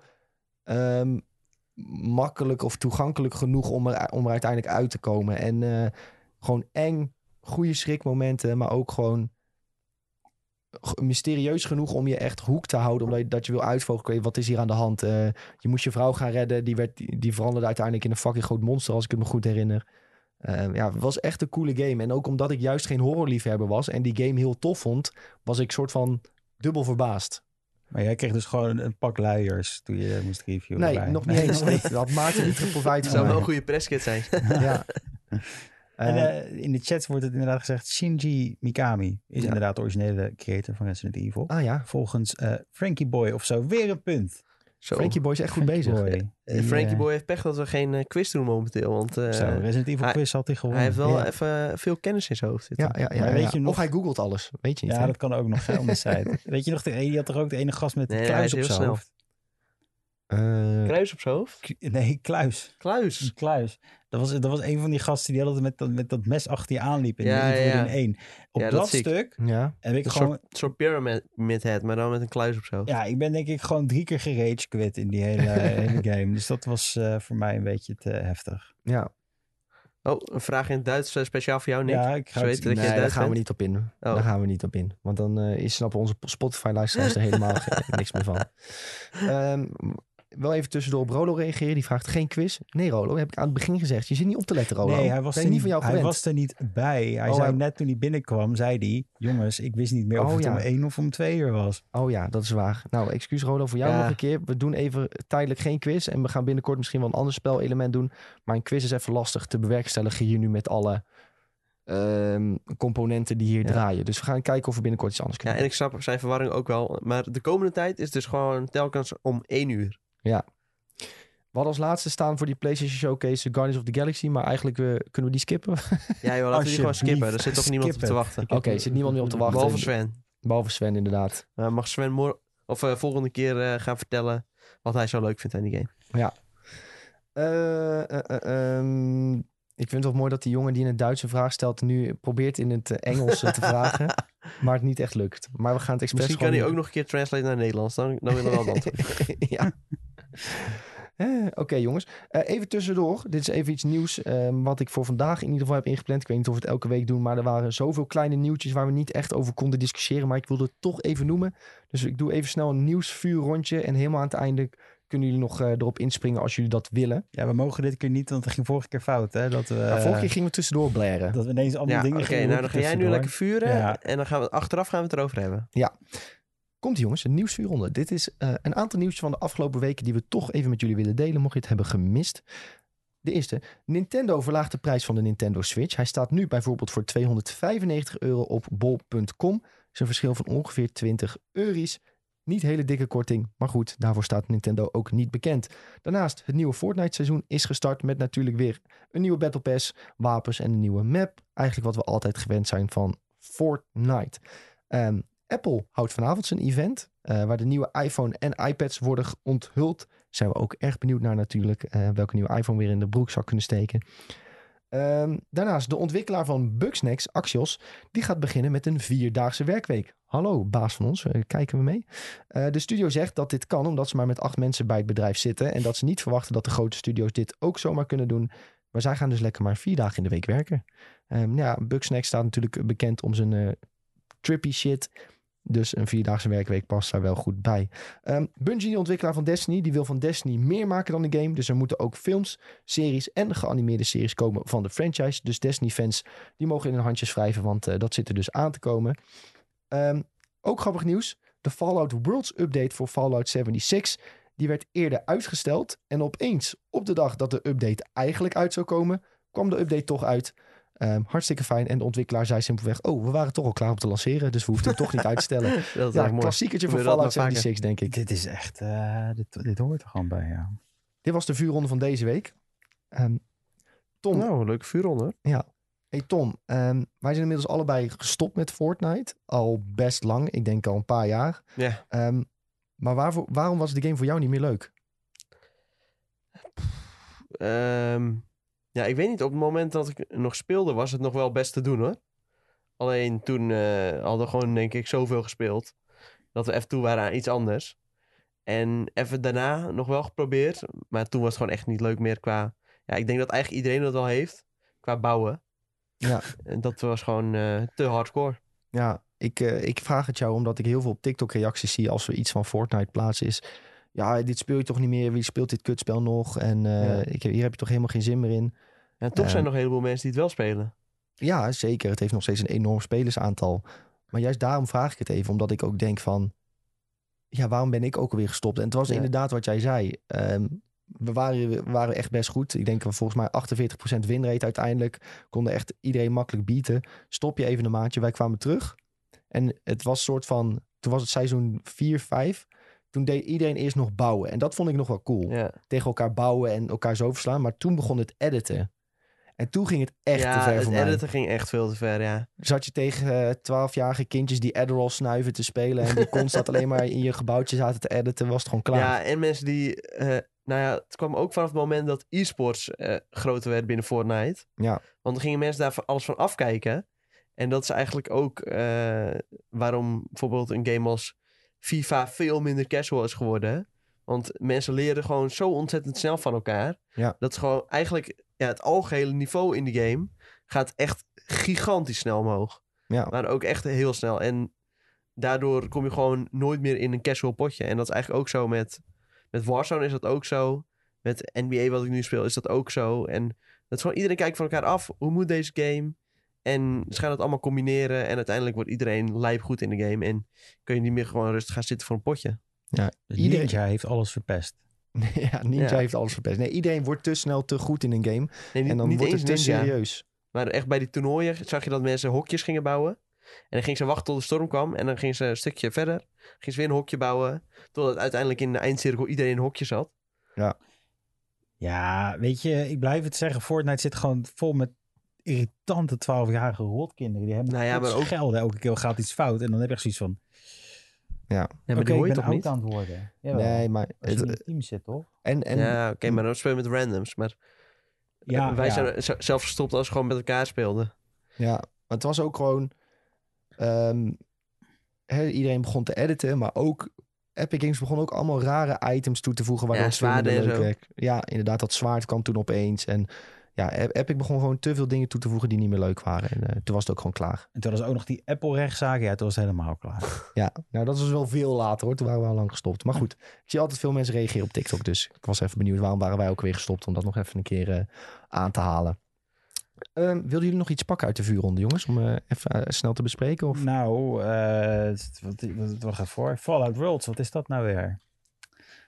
Wat dat Wat is? is dat? Nee, ik bedoel, waar, hoe kan Oh. dit? Hoe, Oh. hoe kan dit? Het is elke keer als ze een update willen doen, dat het elke keer... eh, denk ik dat ze een soort van, net als met dat tweetdeck, dat je iets automatisch inplant. En dat Ja. het dan... eh, Opeens gaat het live. Oeps. Opeens gaat het live en dan denken ze, oh shit, we hadden het eruit moeten halen uit de Ja. queue. En ik denk dat dit gewoon weer precies hetzelfde ding is. Want als we in die game lanceren, zit die vol met fouten. En dan zeggen ze, ja nee, dat patchen we wel uit volgende week. Ja. En dan heb je, dan heb je pas eigenlijk die, die versie die je zou moeten hebben. Dus ik denk gewoon weer dat dit zo'n auto-queue ding geweest is. En ik vind het eigenlijk, eigenlijk behoorlijk slecht.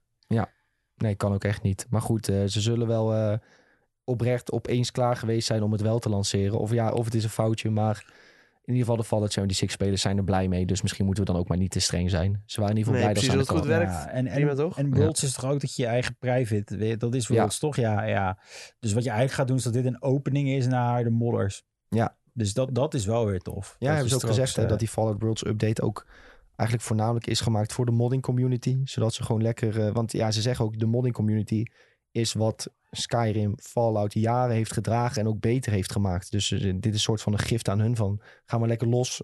En eh, wij geven je de tools om eh, lekker los te gaan in, in Fallout Worlds. Dus je moet zo'n Fallout First abonnement hebben en dan kun je, kan je zelf met acht vrienden of met jijzelf met zeven vrienden kun je in de wereld maar doen wat je wil. Je kan ongelimiteerd bouwen zonder resources nodig te hebben.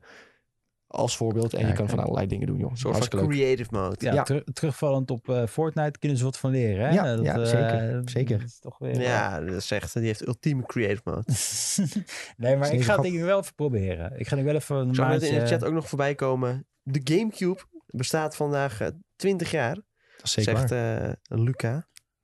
En eh, nou, dat verdient wel even een kleine shout-out. Want Ja. eh, de Gamecube, dat was wel een van mijn... eh, dat was de, de eerste Nintendo-console die ik zelf kocht. Oh, echt? Ja. En eh, ja, maar ook wel meteen eh, een van de favorieten. Ja, Smash Bros. Melee, ja, Double, Dash. Ja, juist Double Ja. Dash. Luigi's Mansion, laten we dat niet vergeten. Dat was echt een, eh een klassiekertje. Hè? Dat was Ja. een uitstapje voor Nintendo. Dat is de enige Nintendo console die ik niet heb gehad. Heb jij nooit Donkey Kong Bongo gespeeld? Ik heb wel eens Gamecube bij vrienden gespeeld, maar ik heb nooit een Gamecube zelf gehad. Damn. Ja. Heftig. Ja, Dat, ja, eh, ja. Maar wel is- een Nintendo 64 met alles erop en eraan. Pokémon Ja. Snap hoorde ik net voorbij. Ja, ja, Ni- Nintendo 64 met alles erop en eraan wel, maar eh, Gamecube nooit. Gamecube was echt een van de leukste Nintendo consoles, Ja. vind ik. De eerste portable console. Nou, portable. Ja, een handvat aan de achterkant. hè? Je hebt zo Ja, een kontzak, hè? Dat is hier niks voor nodig. ja, Ja, die kun je ja. zo meenemen hoor. Ik had dus voor de Gamecube had ik ook zo'n eh, zo'n zo'n zo'n zo'n controller. En er zaten, ehm zat airco in. Maar fans zaten erin. Zo. Dus als je dat al speelde en, je, en het was een hete zomerdag, dan, dan had je altijd lekker koele handjes. Er kwam ook echt koude lucht uit natuurlijk. Ja. Zo. ik, eh, ik had ijsblokjes erin gestopt. Ja, en je had natuurlijk de Wavebird, de beste Nintendo controller ooit. Ja, dat is echt een ding geweest. Die is zelfs nog uitgekomen op de Switch. nou, die kun je gewoon nog steeds gebruiken ook hè. Met eh adaptertje kun je gewoon eh, nog op de Switch gebruiken. Ja. Eerlijk gezegd, ik mis de Gamecube. Ja. Maar ja, je kan hem nog steeds Je gewoon kopen. nog steeds aansluiten, hoor. Ja, je kan nog steeds aansluiten. Wel het beste op zo'n oude, oude tv dan die je even erbij moet kopen voor een paar tientjes, maar goed. Goed jongens, we gaan het hebben over Deathloop en de torenhoge cijfers die de game krijgt. Want vandaag is de game uitgekomen. eh, en op dit moment heeft de game, een, toen ik dit scriptje heb geschreven in ieder geval, een 88 op Metacritic en krijgt meerdere tienen. Zelfs van onze Amerikaanse collega's, die hebben de game ook een 10 gegeven. Eh, onze Mark Scholten, die voor ons de review heeft geschreven, die gaf de game een hele mooie 9. En Tom en ik hebben de game ook al een beetje gespeeld. Ik heb gisteren al drie uurtjes kunnen spelen, vandaag nog niet kunnen spelen. Tom heeft ook iets van twee, drie uur gespeeld. Ja, wel iets langer denk ik. Tom heeft wel iets langer gespeeld. Vier, vijf, zes. vier, vijf, zes. Ehm, maar we kunnen onze eerste indruk denk ik wel geven. En eh, ik vind het ook interessant om even te praten over het fenomeen een 10 geven voor een game. Ja. Ehm, laten we eerst even beginnen met wat is Deadloop en hoe leuk is het? Misschien kan jij een beetje uitleggen, Tom, wat Deadloop is in een notendop.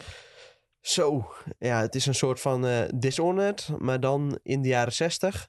Ja. En eh, het bestaat uit vier afgesloten levels. En eh, in die levels zijn acht verschillende bazen te verslaan. En de game draait om een tijdloop. En in die tijdloop moet je al die acht bazen verslaan.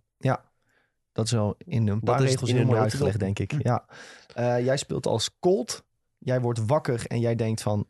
What the fuck, waar ben ik beland? Eh, en dan snel kom je erachter dat eh, Juliette op jou jaagt. Jij wilde... Jij wilde Juliana. oh, Juliana, sorry. Jij wil de tijdloop stoppen. En zij jaagt op jou omdat zij de tijdloop wil bewaren. Beschermen, ja. Daar komt het op neer. En het, het, het magische is van die vier levels dus dat zij op jou kan jagen. Maar ook dat de vier levels eh, vier tijdschema's hebben. Dus ochtend, middag, avond, nacht. Ehm, en als jij dus in de ochtend in een level komt, is het anders dan in de middag. Dus je Ja. hebt in principe vier levels, maar die hebben ook allemaal vier verschillende fases. Ehm, en wat je eigenlijk dan gaat doen naarmate de game vordert, vordert is ontdekken waar wat wanneer is. Eh, op welk tijdstip is het ergens? Op welk tijdstip is een persoon ergens? En die hele puzzel ga je langzaam oplossen als Colt. Om zo uit te vogelen wanneer zijn er nou meerdere targets op dezelfde plek. Zodat jij uiteindelijk in, in één time loop, dus in één ochtend, middag, avond, nacht... ervoor kan zorgen dat je alle acht de vijanden kilt. En dan heb je de time loop doorbroken. En dat is eigenlijk de game.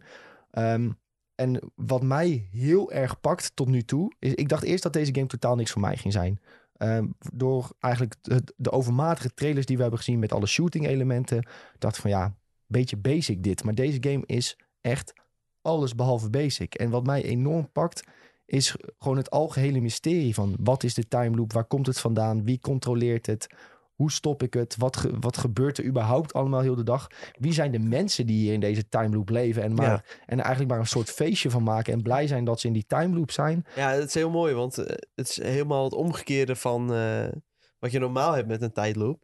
Ja, Van dat niemand doorheeft eh wat er gebeurt en dat de mensen die het wel doorhebben, dat die eruit willen. Maar hier weet iedereen gewoon dat er een tijdloop is. En ja, ze genieten er gewoon lekker van. En ja. ja, jij bent eigenlijk degene die het een beetje komt eh, verzieken voor ze. En eh, ja, zij vinden het allemaal wel prima dat ze in een tijdloop zitten. Ja, dus die, die mensen die vallen jou ook gewoon aan. Want ze weten ook gewoon wie jij bent. Ze zeggen, oh daar is Colt, pak hem. En iedereen wil ook jou stoppen om die Ja. time loop te stoppen. Want ze weten gewoon wat jouw doel is. En je- dus je bent echt in je eentje overgelaten in die Ja. hele wazige wereld. Ik wil- heb nog wel een heel grappig voorbeeld eh, daarvan. Op een gegeven moment dan staan er een paar van die gasten op een eh cliff. En dan eh, nou ja, ze- zeggen ze tegen een van die gasten... Ja, spring er nou af, spring er nou af.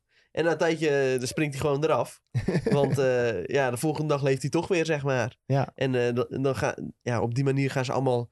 De NPC's gaan een soort van dingen uitproberen... wat ze kunnen doen in die wereld. En eh Het maakt ze allemaal echt helemaal geen reet nee, uit. maakt geen donder uit. Ehm, wat mij ook heel erg opviel aan de game, is ik, ik dacht eerst van, toen ik ook de trailer zag, van je krijgt speciale krachten en ik vlieg echt door die game heen.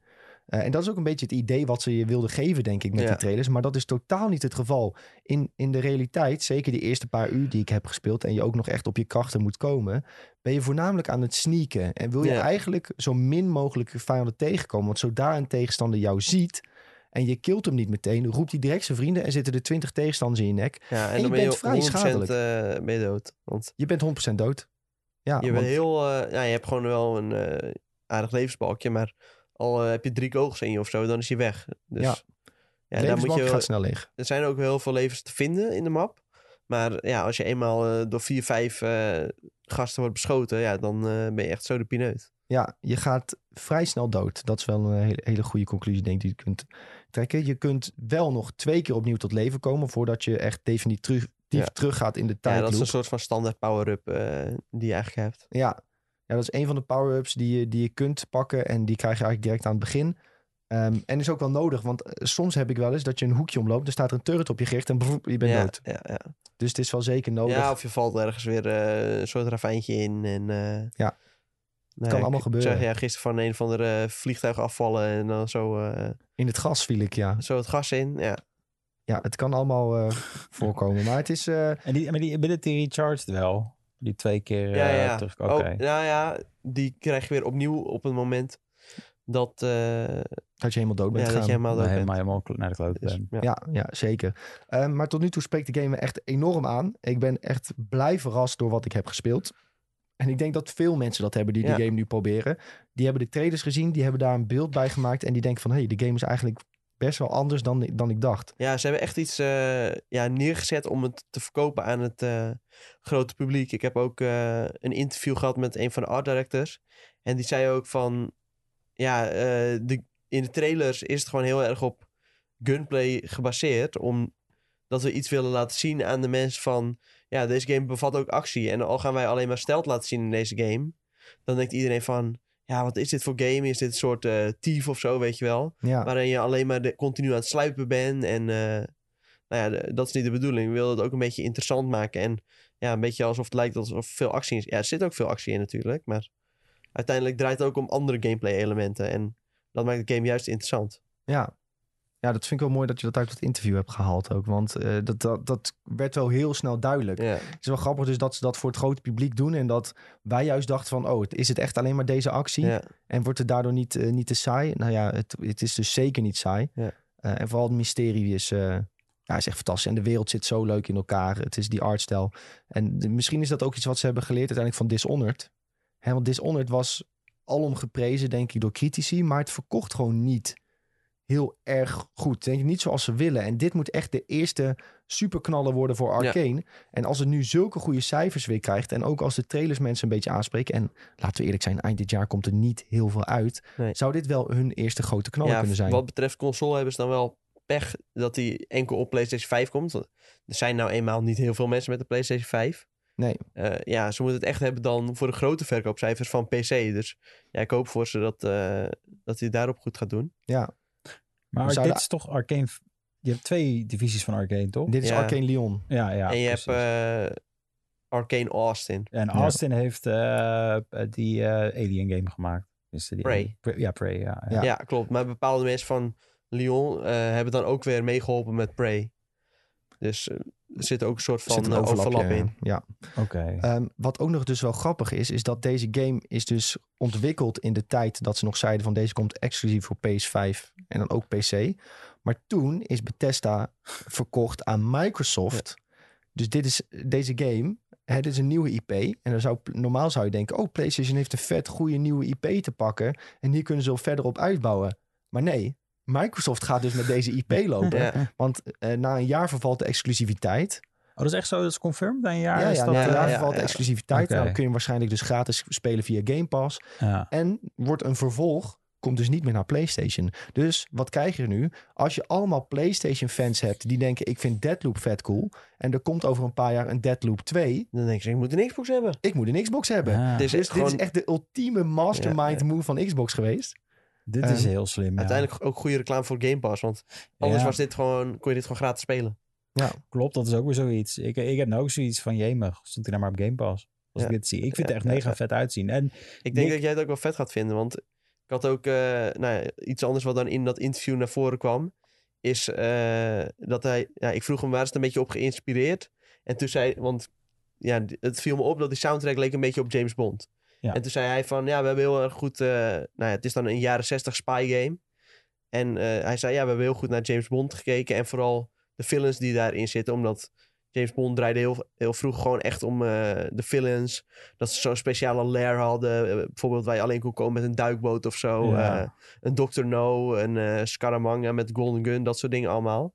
Dat gewoon echt... Ja, een van de weinige films waar de villain heel erg centraal stond. En dan hier hebben ze dat uitgewerkt met een heleboel villains in één game. En hij zei, eh, ja, het is ook geïnspireerd een beetje op het werk van Tarantino, die een ode brengt aan de jaren 60. En eh, John Carpenter's eh, The Thing. En Hmm. nou ja, Escape from New York. Dus dat soort elementen hebben ze een beetje samengevoegd. En uiteraard een heleboel eigen ideeën. En ja, daar is Deadloop, Deadloop uitgekomen. En over de stijl gesproken, want ja, dit, dit klinkt al heel vet wat jij nou zegt, Tom. Maar Nick, jij speelde het in je streams. Jij volgens mij aan het begin dit meer gaan Fallout, denk. Had je dat later ook nog? In, eh Ja, verder het kwam? komt, komt een beetje door, door het jaren 60 steltje wat erin zit. Hè? En dat, eh, dat ademt Fallout ook een beetje natuurlijk, hè? door de muziek ook. En de, de, de soundtrack van Deadloop, die, die draagt daar ook enorm aan bij. En ook aan de manier waarop je schiet en loopt, is heel erg, ehm, doet heel erg denken aan Fallout. Oké. Ehm, dus het is vooral een beetje de, de vibe die het, die het geeft qua, qua muziek en eh, ook de manier hoe je schiet en zo. Ja, en die tussenfilmpjes eh, vond ik ook heel vet. Dat, dat ze dan een soort van getekende stijl tussenfilmpjes hebt. Ja. Een beetje eh, zoals in Suicide Squad, de film, dat je af en toe dan gingen ze naar de volgende scène en dan zag je zo'n soort van die teksten in beeld. Dat heb je hier ook in deze game. Dus stilistisch is het allemaal echt, eh, zit ook heel goed in Ja, elkaar. stilistisch is het echt aan de jaren 60 Ja. trouw gebleven, inderdaad. En dat is met pulp, pulpy films hadden dit ook inderdaad in die trailers vroeger. Eh, als je kijkt naar Grindhouse nog steeds Ja. ook inderdaad en dat soort dingen. Dus dat is, dat is wel interessant. Ik, eh, ik denk dat ik wel om ben. Ik ga het, eh, ik ga het proberen. Ja, als je gewoon bedenkt dat er de rest van het jaar niet meer heel veel grote games uit gaan komen, zie ik eigenlijk geen reden waarom je Deadloop niet moet, niet moet halen Nee. de komende maanden. Nee, wat er verder uit nog, uit nog komt, is gewoon een heleboel ja, multiplayer first-person shooters. Ja. Eh, ja, je hebt Vanguard, eh, Battlefield, eh, Halo komt dan nog. Oh Ja. Halo. Halo wil je misschien de singleplayer spelen, maar die komt dan niet direct met co-op. Dus kun je misschien beter nog even wachten. Ja, dan is dit perfect vrij Ja. baan. En deze duurt ongeveer 12 uur om uit te spelen. Ja. Ehm, heb ik even aan Mark nagevraagd. Ehm, en dan heb je nog niet eens alles gezien. Je kunt ook veel rustiger spelen. En dan doe je er misschien 20 uur over. En dan heb je echt alles uitgepluist. Alle speciale wapens gevonden. Ehm, dus ja, ge- ja, het is niet eens zo'n hele lange game. Maar Ja. wel een game waar je... En wat ik ook wel fijn vond, is... eh, ja, het lijkt misschien alsof het een game is waar je heel erg in het diepe wordt gegooid. Maar dat is ook weer niet helemaal het geval. Je wordt best wel bij de hand genomen. Maar binnen dat level kun je nog wel heel erg gewoon zelf kiezen hoe je dat allemaal uit gaat vogelen. En eh, ja, welke Ja. kant je op gaat. En hoe je iemand uitschakelt. Ga ik stelt of ga ik kunstblazing. Eh, ja, dat vind ik echt super tof. Ja, ik vond daarbij nog eh, heel cool dat ehm, je, je wordt in principe in het level gedropt en er staat wel een marker van je moet deze kant op in het level. En dat kun je dan, je kunt in principe in één rechte lijn er naartoe, je kunt Ja. via rechts, je kunt via links. En zo heeft iedereen Onderdoor, eigenlijk... bovenlangs. Ja, iedereen heeft zo'n andere ervaring. Het is maar net welke route jij kiest naar dat punt. ehm, Ja. Hoe jouw game is. En je kan ook zeggen van, ik ga gewoon heel de map rondlopen. Dan pas naar het punt. Je kunt naar het punt en weer terug Ja. naar, je, naar de tunnel toe. Je kunt allerlei dingen zelf bepalen. Ook al is de, de map zelf niet gigantisch. Ieder geeft- gebouw dat je ziet, daar kun je in. Ja, het geeft enorm veel mogelijkheden om de game op andere manieren aan te pakken. En ik denk als je duizend mensen naast elkaar zet en zegt ga maar naar dat punt toe, dan heb je duizend Ja. andere ervaringen. Ja, het zijn een soort van eh, ja, vier open werelden in één eigenlijk. Ja. Binnen een klein eh, afgesloten gebied kun je echt eh, helemaal je creativiteit vrije loop laten. Het is heel knap hoe Arcane dit heeft weten te doen met, de, met het level design. Echt, echt chapeau hoe ze dit zo mooi aan Ja. elkaar hebben weten te, te rijgen. hey, maar ehm, een beetje samenhangend aan Deadloop had ik een paar vragen voor jullie en ook een beetje voor mezelf.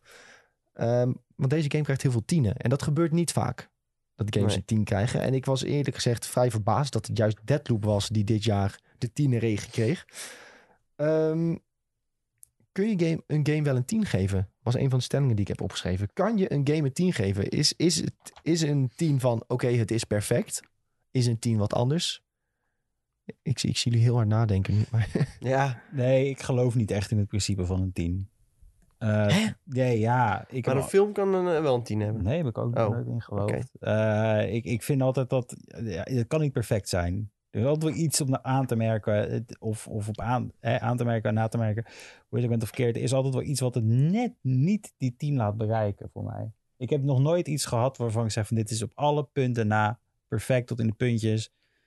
Eh, dit, vind ik, dit vind ik het einde. Eh, ik, voor mij, ik denk dat een 9 is voor mij een 10, zeg maar, of zo. Ik altijd Ja. wel een kritiekpuntje. Nee, maar snap je wel? Er is altijd wel iets.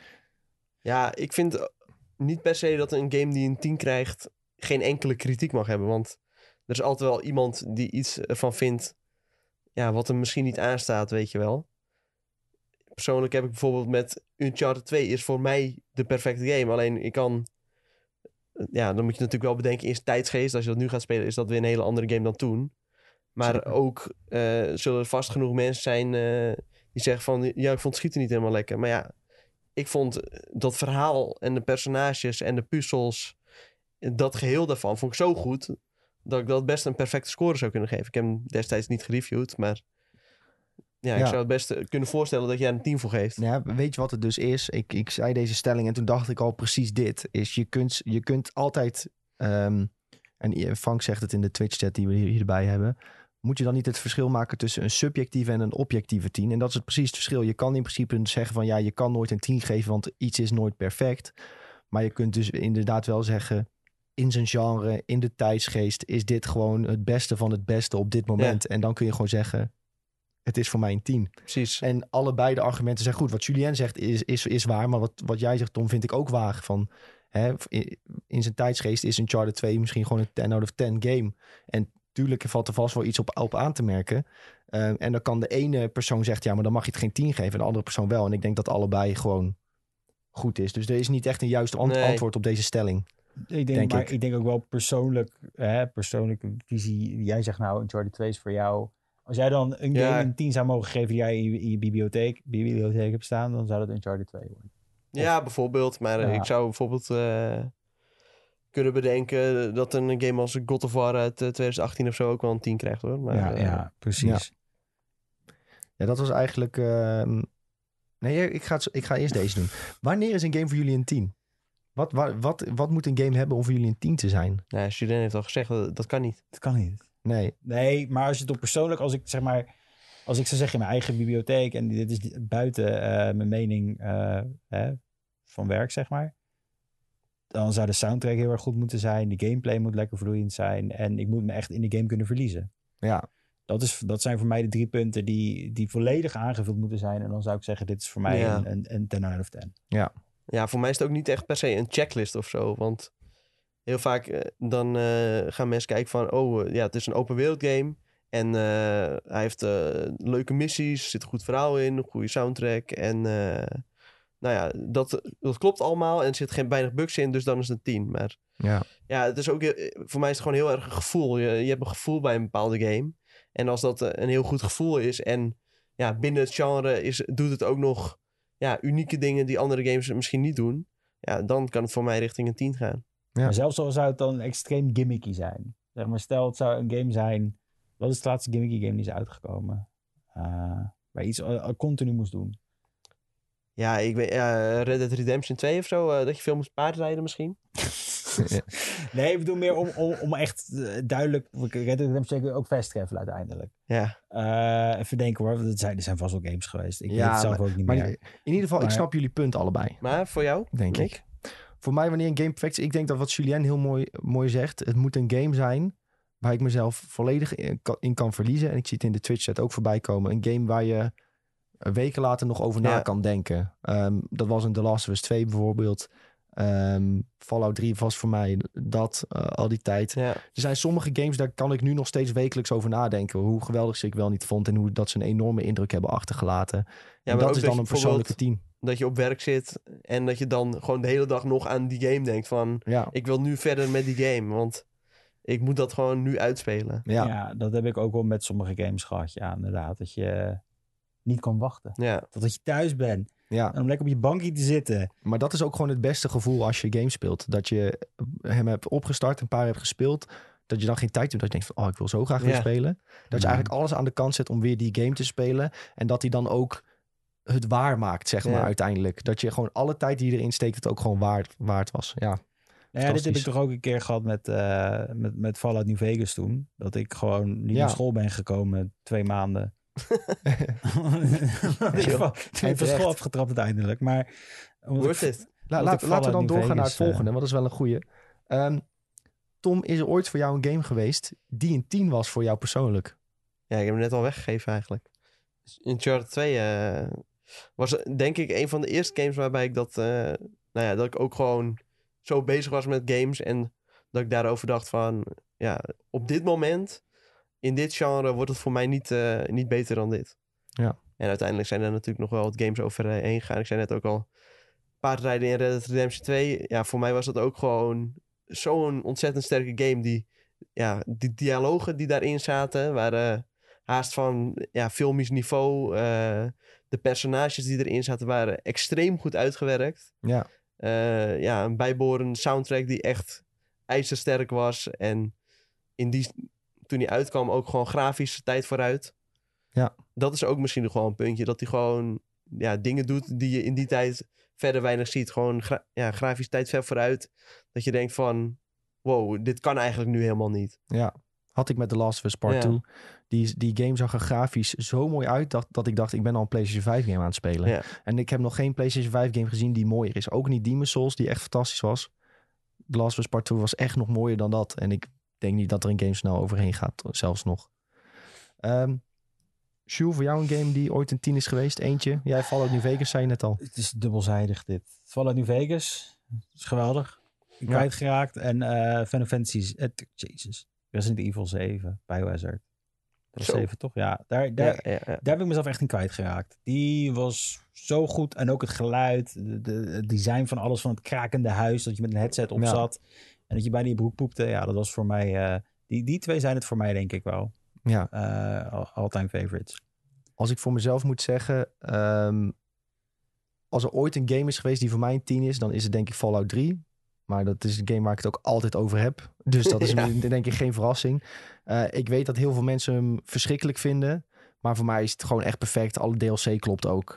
Fantastische game. Dat is nou echt een game waar ik mezelf duizenden uren in heb verloren. En ik heb nog steeds niet het idee dat ik alles heb gezien. Echt fantastisch. Een beetje wat, wat mensen met The Witcher 3 hebben. Waar ik niet zo in kon komen. Dat had ik met Fallout 3. Ehm, Call of Duty 4 is ook een goede voor Ja, mij. En Hij die, speelde net ook in mijn hoofd. eh, ja, ik, ik, ja. ik heb COD 4 er dus ook in staan als een... Dat is voor mij ook een 10 out of 10 game. En dat is een andere factor die denk ik belangrijk is. Is een, een game die de gamewereld heeft veranderd. Want veel Ja. mensen weten het misschien niet. Maar COD 4 was de eerste shooter die een level systeem had toegevoegd. Dat je levels omhoog ging en daardoor wapens vrij speelde en prestige vrij speelde. En letterlijk elke shooter na Call of Duty 4 heeft het zo gedaan. Ja.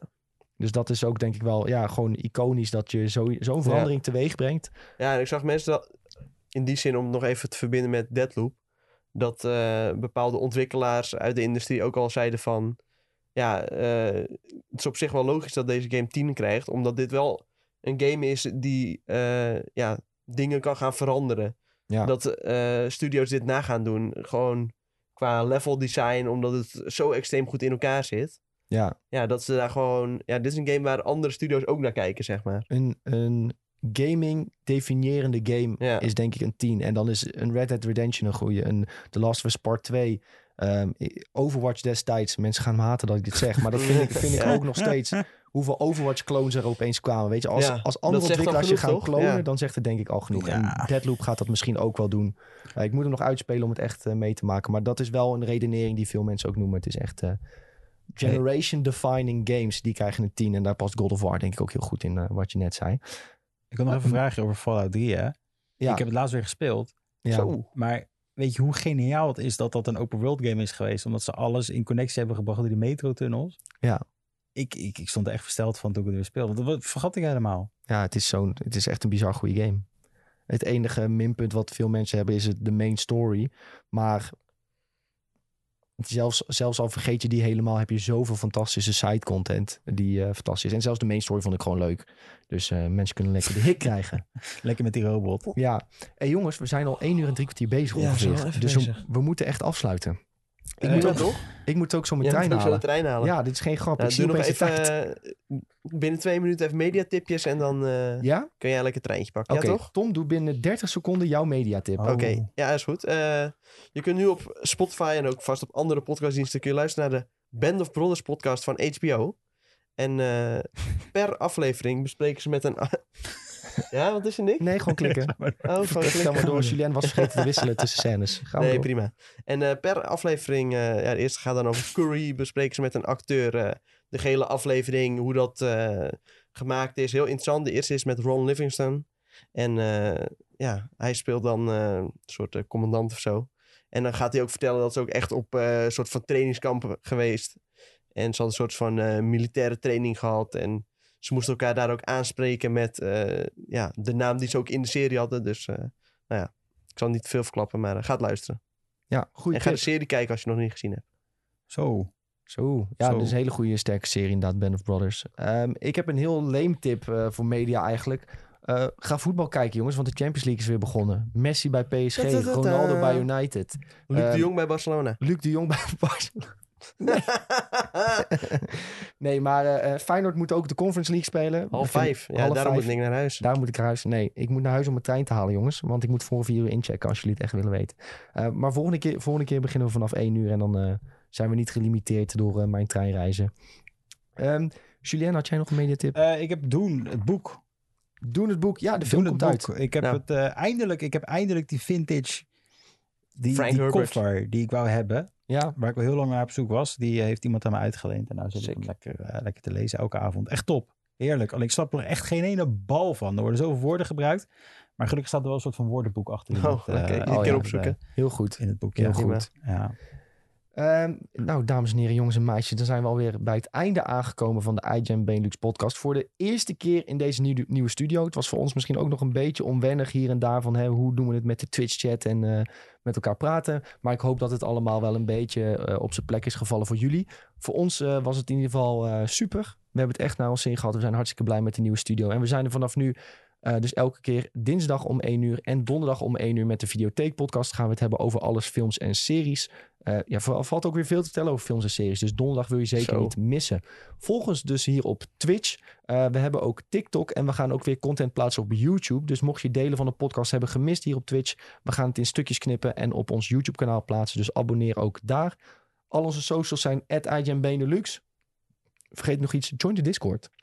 Join de Discord. Link naar de Discord staat hier onder het Twitch kanaal. Ja, daar wil ik even wat over zeggen. Dat is, die link is niet meer geldig. Die moeten we elke keer... Oh, we moeten een we link moeten hem om verversen. de tien dagen verversen eigenlijk. Nee, Ah. je kan nog gewoon, die link is als het goed is unlimited, Nee, maar dan gaat er iets mis. een DM van iemand die zei de link... eh, Dat is heel vreemd, want Ja, het is dezelfde link we eh, die wel... wel Maakt niet uit. Daar gaan we naar kijken. Gaan we naar Ja. kijken. Iedereen in de Twitch chat super bedankt. Ik heb al jullie reacties en discussies wel gezien, maar we konden het niet overal tussen frotten meer.